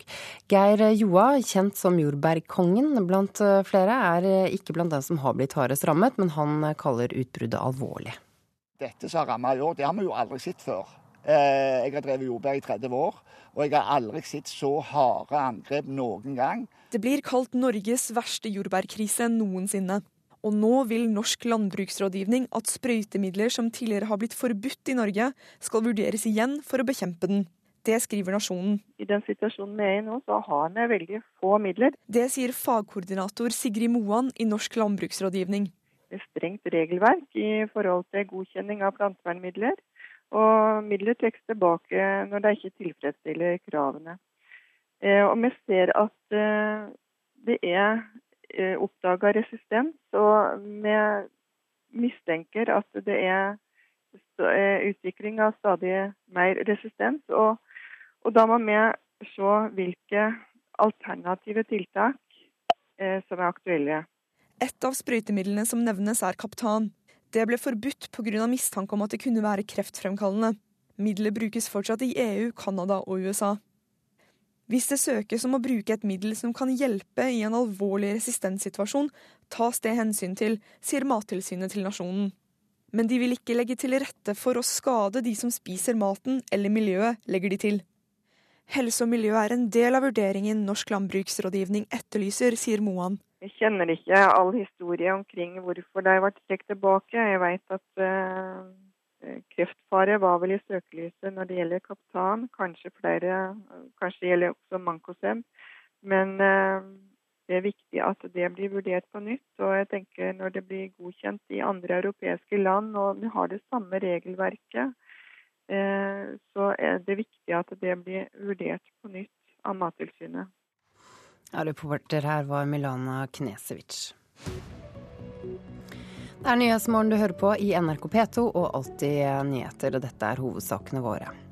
Donald Trump fikk drahjelp fra kona Melania på republikanernes landsmøte i natt, men hun fikk ikke så mye applaus da hun holdt talen sin. Rekordmange flyktninger blir bosatt i norske kommuner i år. Og um, om litt så skal du få møte dagens sommergjest, som er den nye lederen i Kulturrådet, Kristin Danielsen. Men først. I går var det utenriksministermøte i EU, der situasjonen i Tyrkia var hovedtema. EØS- og EU-minister Elisabeth Aspaker mener EUs forhold til Tyrkia er avhengig av hvordan Tyrkia håndterer etterspillet etter kuppforsøket i helgen. Jeg tror jo at det er ganske viktig nå at det er en samla verden som sender et signal til Tyrkia om at nå må man ta rettsstatsprinsipper på alvor. Man må respektere menneskerettigheter. Og signalene fra EU er jo glassklare at dersom man skulle finne på å eh, gjeninnføre dødsstraff, så er, vil enhver eh, dialog og forhandlingsprosess med EU termineres. Hvordan skulle myndighetene ha reagert på dette forsøket på militærkupp, eh, syns du? Jeg tenker at Det som skjer i Tyrkia nå, er jo at det er jo for det første samlet, et samla politisk Tyrkia som har fordømt eh, militærkuppet.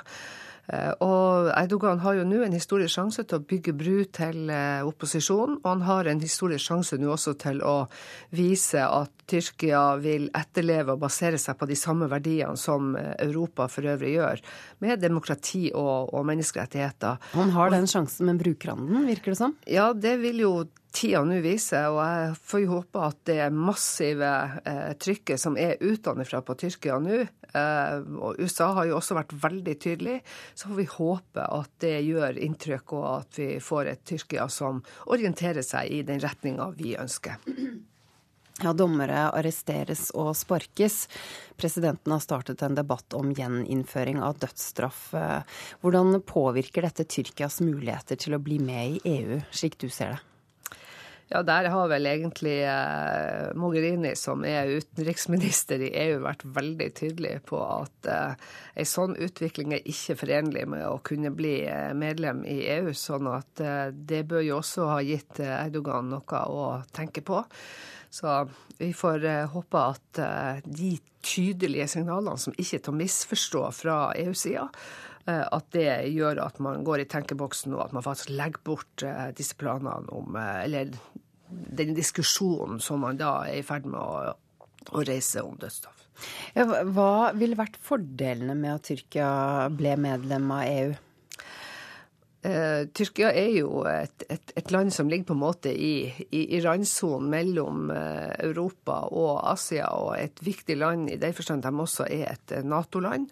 Sånn at uh, det er helt klart at vi ser at en del av de utfordringene som vi har i Europa, ville vært tjent med at vi Eller er tjent med at vi har en god dialog med Tyrkia. Vi vet jo f.eks. at vi har en viktig avtale på flyktning- og migrasjonssida med, med Tyrkia.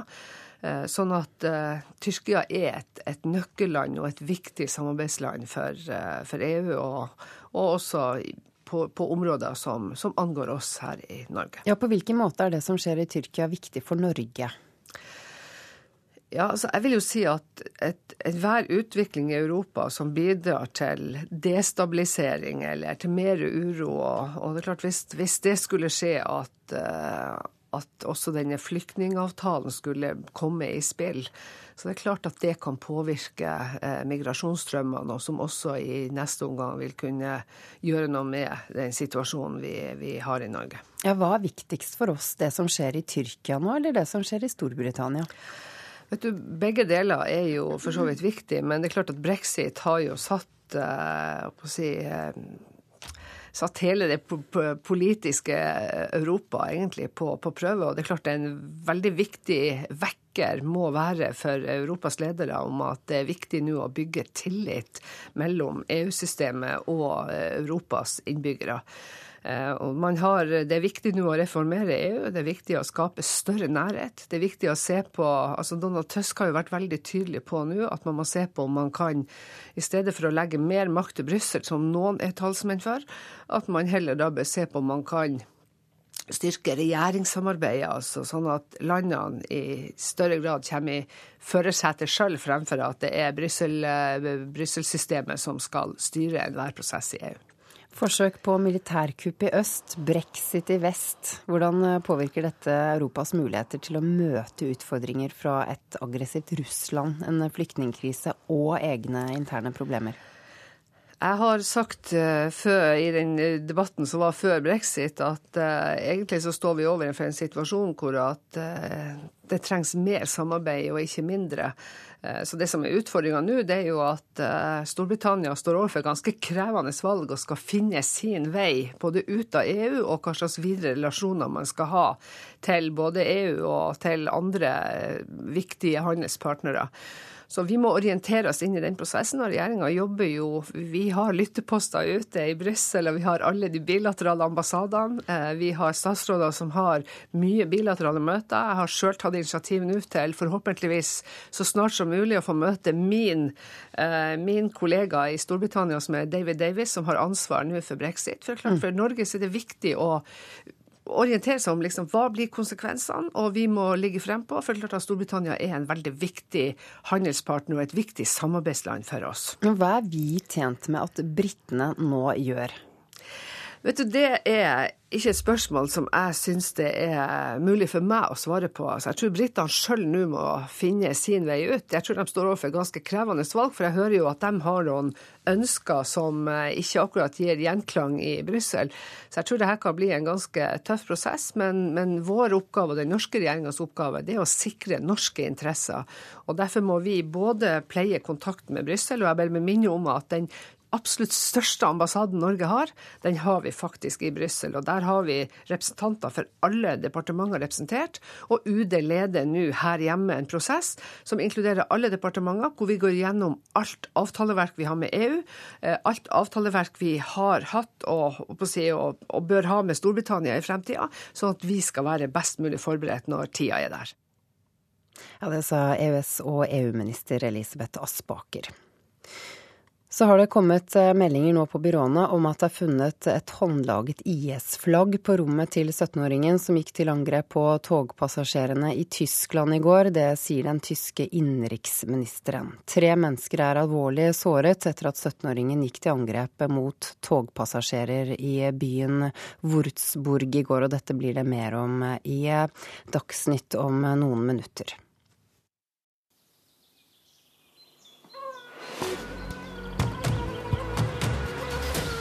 Dagens sommergjest. Ja, Dagens uh, sommergjest her i Nyhetsmorgen uh, i dag er den nye lederen i Kulturrådet, Kristin uh, Danielsen. Hun begynner i jobben 15.8 og gleder seg til å begynne i det hun mener er selve drømmejobben. Det er jo klart at det er den viktigste jobben eh, for alt som skal skapes utenfor de store institusjonene. Vi skal sikre nyskaping og utvikling av hele kunstfeltet i hele landet. Så det er jo klart at dette er jo en drømmejobb for sånne som meg. For eh, lyttere som ikke er kjent med hva Kulturrådet egentlig gjør, hvorfor er det kjent som en av landets mektigste kulturinstitusjoner? Kulturrådet forvalter jo store summer med penger, og det er jo klart at eh, det er jo den, det virkemidlet kulturlivet har for å kunne skape og utvikle nye prosjekter, nye innspillinger, nye bøker. Alle de tingene som skal skapes. Så det er jo klart at eh, de midlene fordeler jo Kulturrådet til prosjekter over hele landet. Og det, penger er jo makt. Sånn er det jo. Hvem deler dere mest eh, penger og stipender ut til i dag? Musikkbransjen med alle festivalene er jo en stor post, men det er jo veldig, veldig mange felt. Alt fra litteratur og innkjøpsordningen, alle de forskjellige verkene som skapes innen billedkunstfeltet. Så det er en veldig, veldig god spredning. Men det er jo klart musikkbransjen er stor, med veldig mange utøvere og skapende. Så den er størst. Mm. Ja, den er størst. Ja, det er kanskje sånn det har vært eh, tradisjonelt i Norge. Vi har hatt Grieg, eh, vi har hatt eh, mange store navn. Kanskje også i, eh, på teaterfeltet med Ibsen. Mm. Du har bakgrunn som danser. Hvordan mm. preger det deg? Jeg vet jo hva det vil si da, å stå der på utsiden med en ambisjon, både som skapende kunstner og utøvende kunstner, og legge hjertet ditt inn i en søknad og håpe å fingre, krysse fingrene for at nettopp ditt prosjekt skal bli prioritert. Og jeg tror den forståelsen av hva det vil si å stå på utsiden, den er fin å ta med seg når man ikke bare skal på innsiden, men når man faktisk også skal sitte på toppen. Satses det nok på dans i Norge i dag? Det er veldig mange felt jeg syns det kunne vært satset mer på. Og det er jo klart, dans er jo et ganske lite felt. Eh, og jeg syns det er veldig mange gode ting som har skjedd med dans de siste årene, særlig siden man fikk sin egen scene, nasjonal scene for dans. Men eh, det ligger jo mitt hjerte veldig nært, så kanskje vi skal satse enda mer. Hva er dine visjoner som direktør for Kulturrådet? Kulturrådet skal være en synlig og tydelig aktør for hele landet. Eh, vi er et langstrakt land, og det skjer veldig mye på de minste steder og de største steder i kombinasjon. Så det som er viktig for meg, er jo at alle vet hva kultur, Kulturrådet gjør, eh, og hvorfor vi gjør som vi gjør. Sånn at vi er en åpen og transparent organisasjon som lytter til feltet. Hvor synlig har du tenkt å være som direktør for Kulturrådet? Det å være synlig er jo ikke noe poeng i seg selv, eh, men det er jo klart, jeg er jo veldig opptatt av hele diskusjonen rundt kultur. Av og til så pakker vi oss inn i et teoretiserende språk som mer distingverer oss enn at det inkluderer. Så hvis man kan være synlig for å gjøre kultur til en, en del av livet vårt og en del av hverdagen vår, som angår alle, så vil jeg gjerne være synlig og tydelig på det. Du kommer fra stillingen eh, som sjef for Deichmanske bibliotek i Oslo. Er du en eh, egenrådig sjef? eh, nei, det tror jeg virkelig ikke. Det jeg tror jeg er ganske flink til, er å lytte til de som jobber i organisasjonen, for det er jo de som er organisasjonen. Så, men det er jo klart, en sjef må jo også ha en vilje. Jeg tror det er det viktigste man kan gjøre. Det er å peke ut en retning. Stille seg opp på en kasse og si 'folkens, vi skal denne veien'. Til slutt, eh, Kristin eh, Danielsen. Hvilke kulturtilbud vil du anbefale det norske folk rundt omkring i landet denne sommeren? Nei, altså I og med at jeg fremdeles har på meg Deichman-hatten, så vil jeg varmt anbefale å lese bøker. Eh, lån deg en bok på et bibliotek. De finnes overalt. Så er det jo en bråte med festivaler i dette landet. Nå skal jeg ikke anbefale noen ting, for da blir alt jeg sier feil.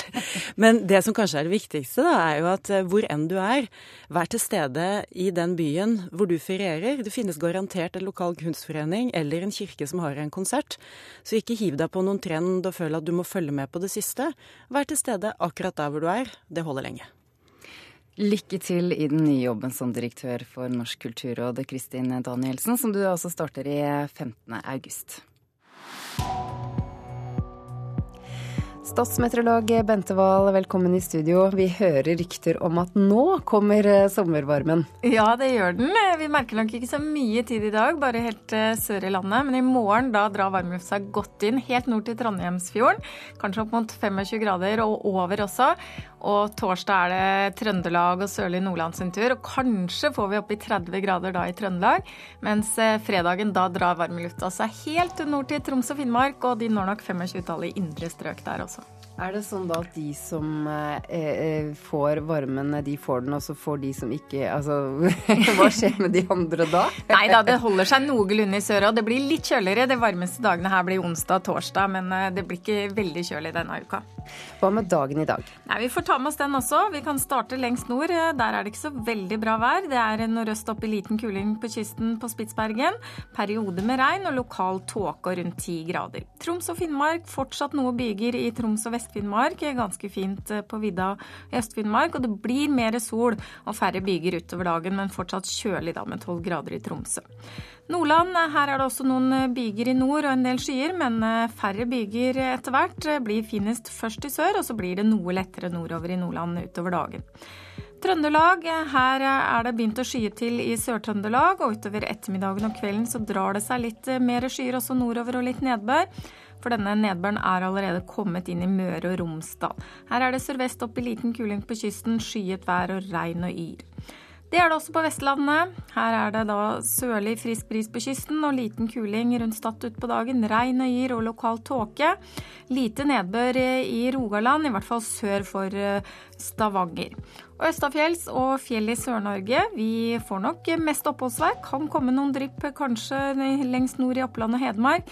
Men eh, vil nok forbigående være en del skyer midt på dagen, og så blir det noe lettere utover ettermiddagen og kvelden. Og det blir nok fortsatt sørlig Østland og midtre strøk av Agder som får de høyeste temperaturene, og de når nok opp igjen 2-23 i dag også. Takk til deg, statsmeteorolog Bente Wahl. Du har hørt eh, Nyhetsmorgen. Ansvarlig for denne sendingen er Elise Heisel Asbjørnsen. Teknisk ansvarlig Espen Hansen. Produsent Katrine Nybø. Jeg heter Ida Creed. Og har du tips eller kommentarer, send oss gjerne en e-post til adressen 03030 alfakrøll.nrk.no.